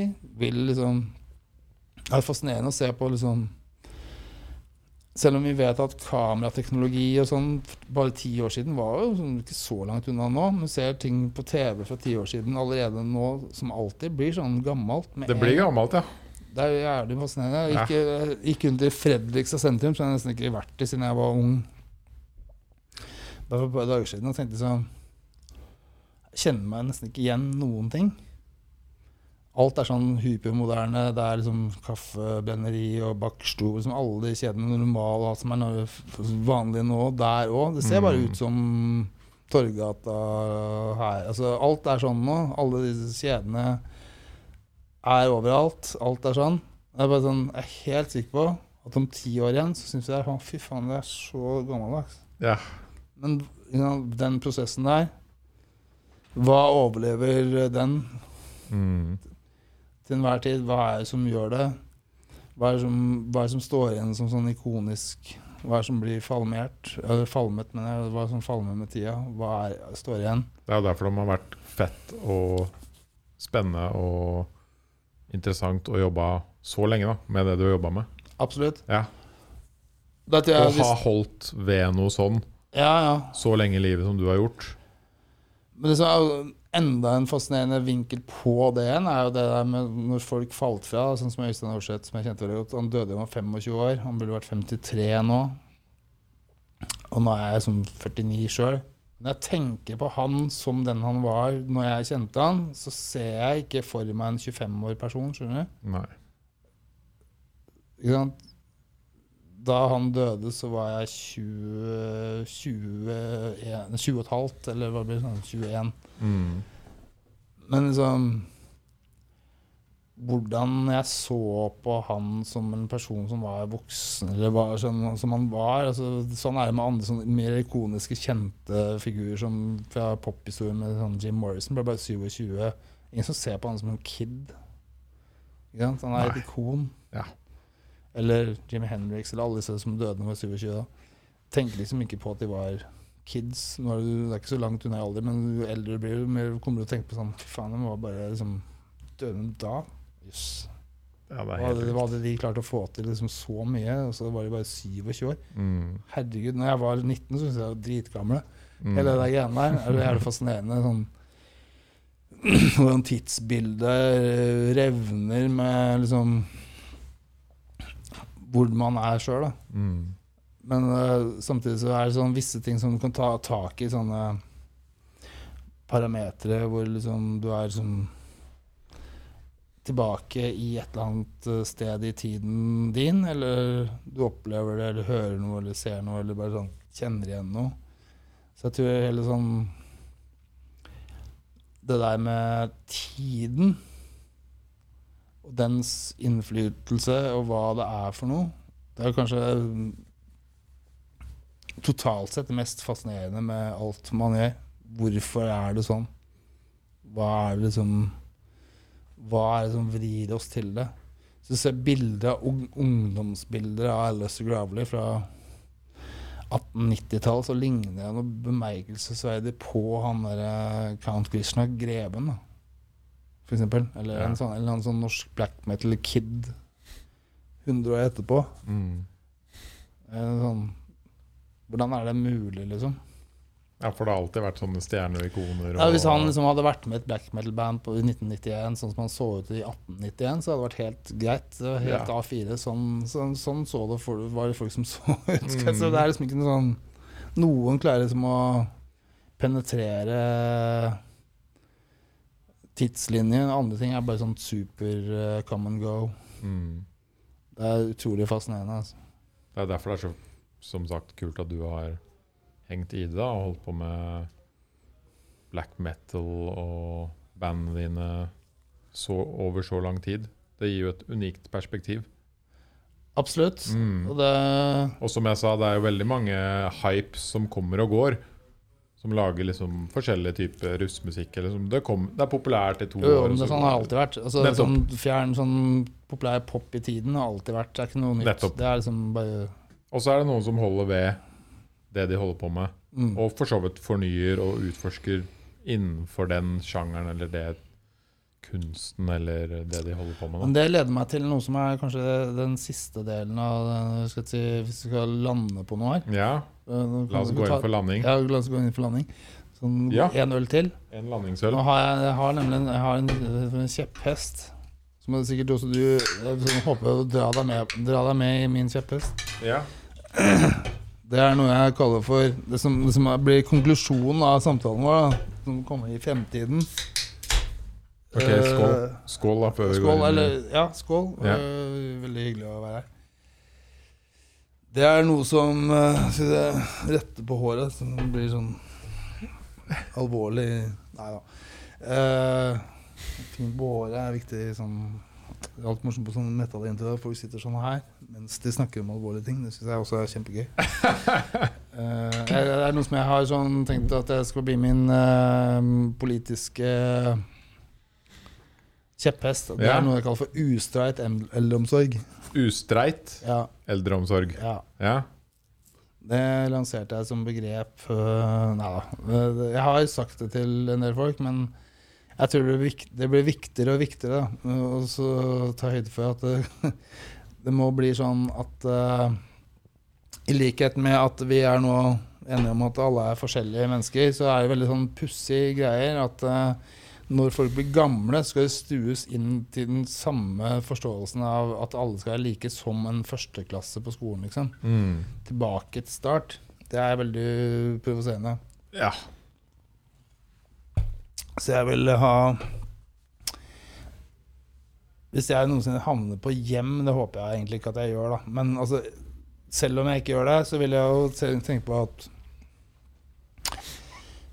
eh, pensjonister i det som blir 2040-tallet, blir det da, eller slutten av 30-tallet, 40-tallet Vi begynner nok på det som blir 30-tallet. Skal vi ta det som De som er ti år eldre enn meg, er nok ganske mye mer fra punk-generasjonen oppover, vil jeg si. Mm. De er allerede 60-åringer, så begynner å dra seg til. Her. Det vil nok være behov for noe som heter ustreit eldreomsorg i forbindelse med at eh, La oss si at det er sånn at eh, Hvis det er sånn at kommunene allikevel skal betale for eldreomsorg da, på en eller annen sånn per kuvert-setting, Mm. hvis det er det som er ideen til elevrådet, som jeg kaller regjerings... Eller hva det enn de, de som bestemmer, velger å kalle seg. Om det er rødrussen eller blårussen eller hva det er. Så må det kunne være sånn at man kan starte sånne egne kollektiv som bare per kuvert får det her dekka i en annen type setting enn det er jævla enkeltrom med trekkspill og Mm. piss de har nå. Hvordan ville du sett det for deg? Nei, Jeg ville sett for meg som en slags sånn uh, landsby. Ja. Du kan gjerne bruke sånn f.eks. nedlagte småbruk. Da er det et eller annet sånt sted hvor det er sånn Fram til nå vært veldig viktig at det er sånn landbrukseiendom, men hvis man kan bare gj- gjøre Istedenfor å liksom tenke at det skal ta areal der det er sånn høye eiendomsmeglingsprisverden som er i byen eller selv i tettsteder. Whatever. Du trenger bare et sted som ikke er så langt fra sentrum, men langt nok til å lage en liten landsby med sånn Kall det små hus, da. Med, hvor det er hvert sitt hus istedenfor sånn sånn- Nå ligner jo eldre Vi har vært på sånne gamlehjem nå. Mm. de Moderne gamlehjem. Det ser ut som en slags blanding av cruiseskip og hotell. ja. Og Med mye av det samme klientellet. Offentlig bygg, Ja. typ. Men alt er sånn betong, og alle skal ha sånn rom, sånn stue, lite soverom og bad og sånn sjæl. Så skal de ha sånn tilgang til sånn spisesal, og så er det sånn gym og Eller sånn et eller annet. Og så er det et sånn sted hvor de stua inn til noe som heter spaserstokken. Nå kommer noen kunstnere og spiller noe sånn midt på treet-musikk i lav Hvordan er det i denne landsbyen? I denne landsbyen så er det da en stor sånn gildehall for de som, som er sånn eh, samlingssted, hvor det er scene og opplegg til uh, hva som helst. Om det skal være rave-party Mm. på rave-party onsdag, black metal torsdag. Altså Filmkveld Ja, forskjellig for, ettersom hvem som Weed night. Weed night, shrooms night. Men med sånn forskjellig alt. uh, tilgang til det. Og så kan du ha At man i samarbeid med unge progressive folk har sånne eh, eksperimentelle hagetype Altså sånn dyrknings... Folk som er interessert i miljøvern og f.eks. dyrke for hydroponics, være seg om det er eh, krydder og grønnsaker, eh, frittgående høns eller alt mulig sånne interessefelt, kan da dekke seg at man kan komme dit og gjøre greia si og dele av høsten med Mm. de eldre. da hvor de, de unge og de gamle kan dele, men de gamle på en måte finansierer at unge, yngre folk kan komme og dyrke smale interesser sammen med de gamle som tydeligvis har holdt på med det her lenge. Mm. Og ha en slags community, da. De, Jeg tror veldig på community-tankegangen i framtiden. Ja, og så kan man se for seg sånn egne La oss si når din generasjon La oss si om 40 år, da. 2060-tallet. Da er det sånn DJs fra din generasjon som kan turnere eh, bare på sånne circuits i sånne her gildehaller. eh, som kanskje det er en 30 stykker i Norge til sammen, da, som har sånn hvor det er eh, La oss si det er en 500 ustøyte eldre i hver community, eller et eller annet sånt noe. Sånn liten landsby.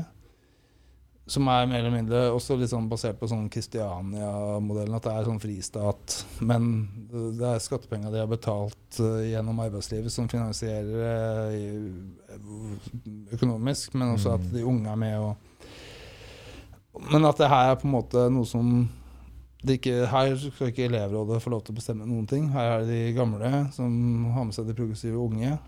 Og det er kanskje sånn at det blir ikke noe behov for noe elevråd lenger. Hvem vet? Altså, De er vel døde og borte alle sammen. Uh, selv de i min generasjon. De er kanskje på det andre problemet og er misunnelige eller ikke. Hva vet jeg. Det kan bli sånne mer sånn selvgående communities, da.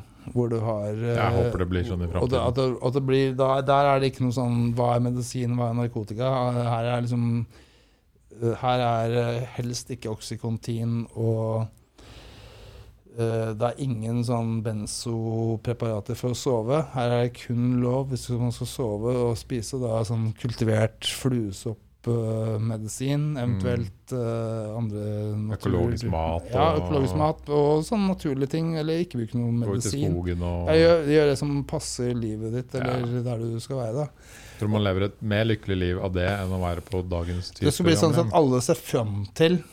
Det bli er jo det man burde. Ja. Yes! Nå er jeg gammel nok til å gå med på Nå er jeg gammel nok til å komme meg inn i det der eh, det jeg har hørt om skal være så jævlig kult. Sånn fra du er sånn 70 eller et eller annet. Og så er det da, blir sikkert folk utgamle der, for de holder jo sikkert eh, ut mye lenger. For Det det, er det mye mer interessant. Så det blir sånn Da kan de å hjelpe til å gro maten og sånn. Ja, ja. Og så kan alle de gamle istedenfor Det her er jo Til slutt så skal alle resirkuleres, så det blir ikke noen kirkegårdsbegravelser. alle kroppene som er her, skal da resirkuleres tilbake inn i komposten. Full organisk. Full, full organisk. Så du, du donerer kroppen din til medisinsk forskning, og så etterpå kompostering. Mm. Så du går tilbake til soppe, sånn fungatoriet. Ja, men fungatoriet, som er sånn kjernen av liksom, Der går alle de gamle. Mm. Kroppene ender der, da. Bra visjon, altså. Jeg håper det at eh, det blir Det endrer seg sånn, ja. Jeg, Jeg tror man blir mer lykkelig òg når man er gammel. Ja. Hvis man kommer til et sånt sted. Er, nå er det bare å gasse på. Ja. Skål for det. Skål for det. Og tusen takk for besøket. Tusen takk for at jeg fikk komme. Hvordan eh, Nå tenker folk sitter her og bare Fy faen, nå skal jeg høre på litt eh, ordentlig heftig musikk av denne herlige karen. Ja, da kan du søke på Kadaver med C på Spotify. Bare gjør det enkelt. Ja. Uh, det her må du kanskje klippe ut. Kommer det ut før 7. februar? Hvilken dato er det i dag? Den 20. Det gjør det nok. Okay, da spiller vi på Parkteatret i Oslo mandag 7. februar. Hvis, Ja. hvis covid vil. Hvis covid vil. Eh, da spiller Mandag konsert. syvende. Ja, det er ikke noe forskjell på ukedag lenger. Vi spiller, så who cares? Da, du på death metal-konsert med Norges, selv, da, ja, Norges første Ja. death metal-band, Kadaver, står på scenen i Oslo 7. februar. Ok, da skal jeg få ut denne podkasten før 7. februar. Så er det bare å gå og støtte. Og så skal vi gi bort en T-skjorte eller noe sånt på Ja, en eller annen sosiale medier. eller Ja. et eller annet. Det finner vi ut av. Det En fet, heftig T-skjorte. Tusen takk igjen. Vi gjør sånn her, mot kamera. Ja, Skål. skål. Vi ses. Veldig hyggelig å være her. Veldig hyggelig.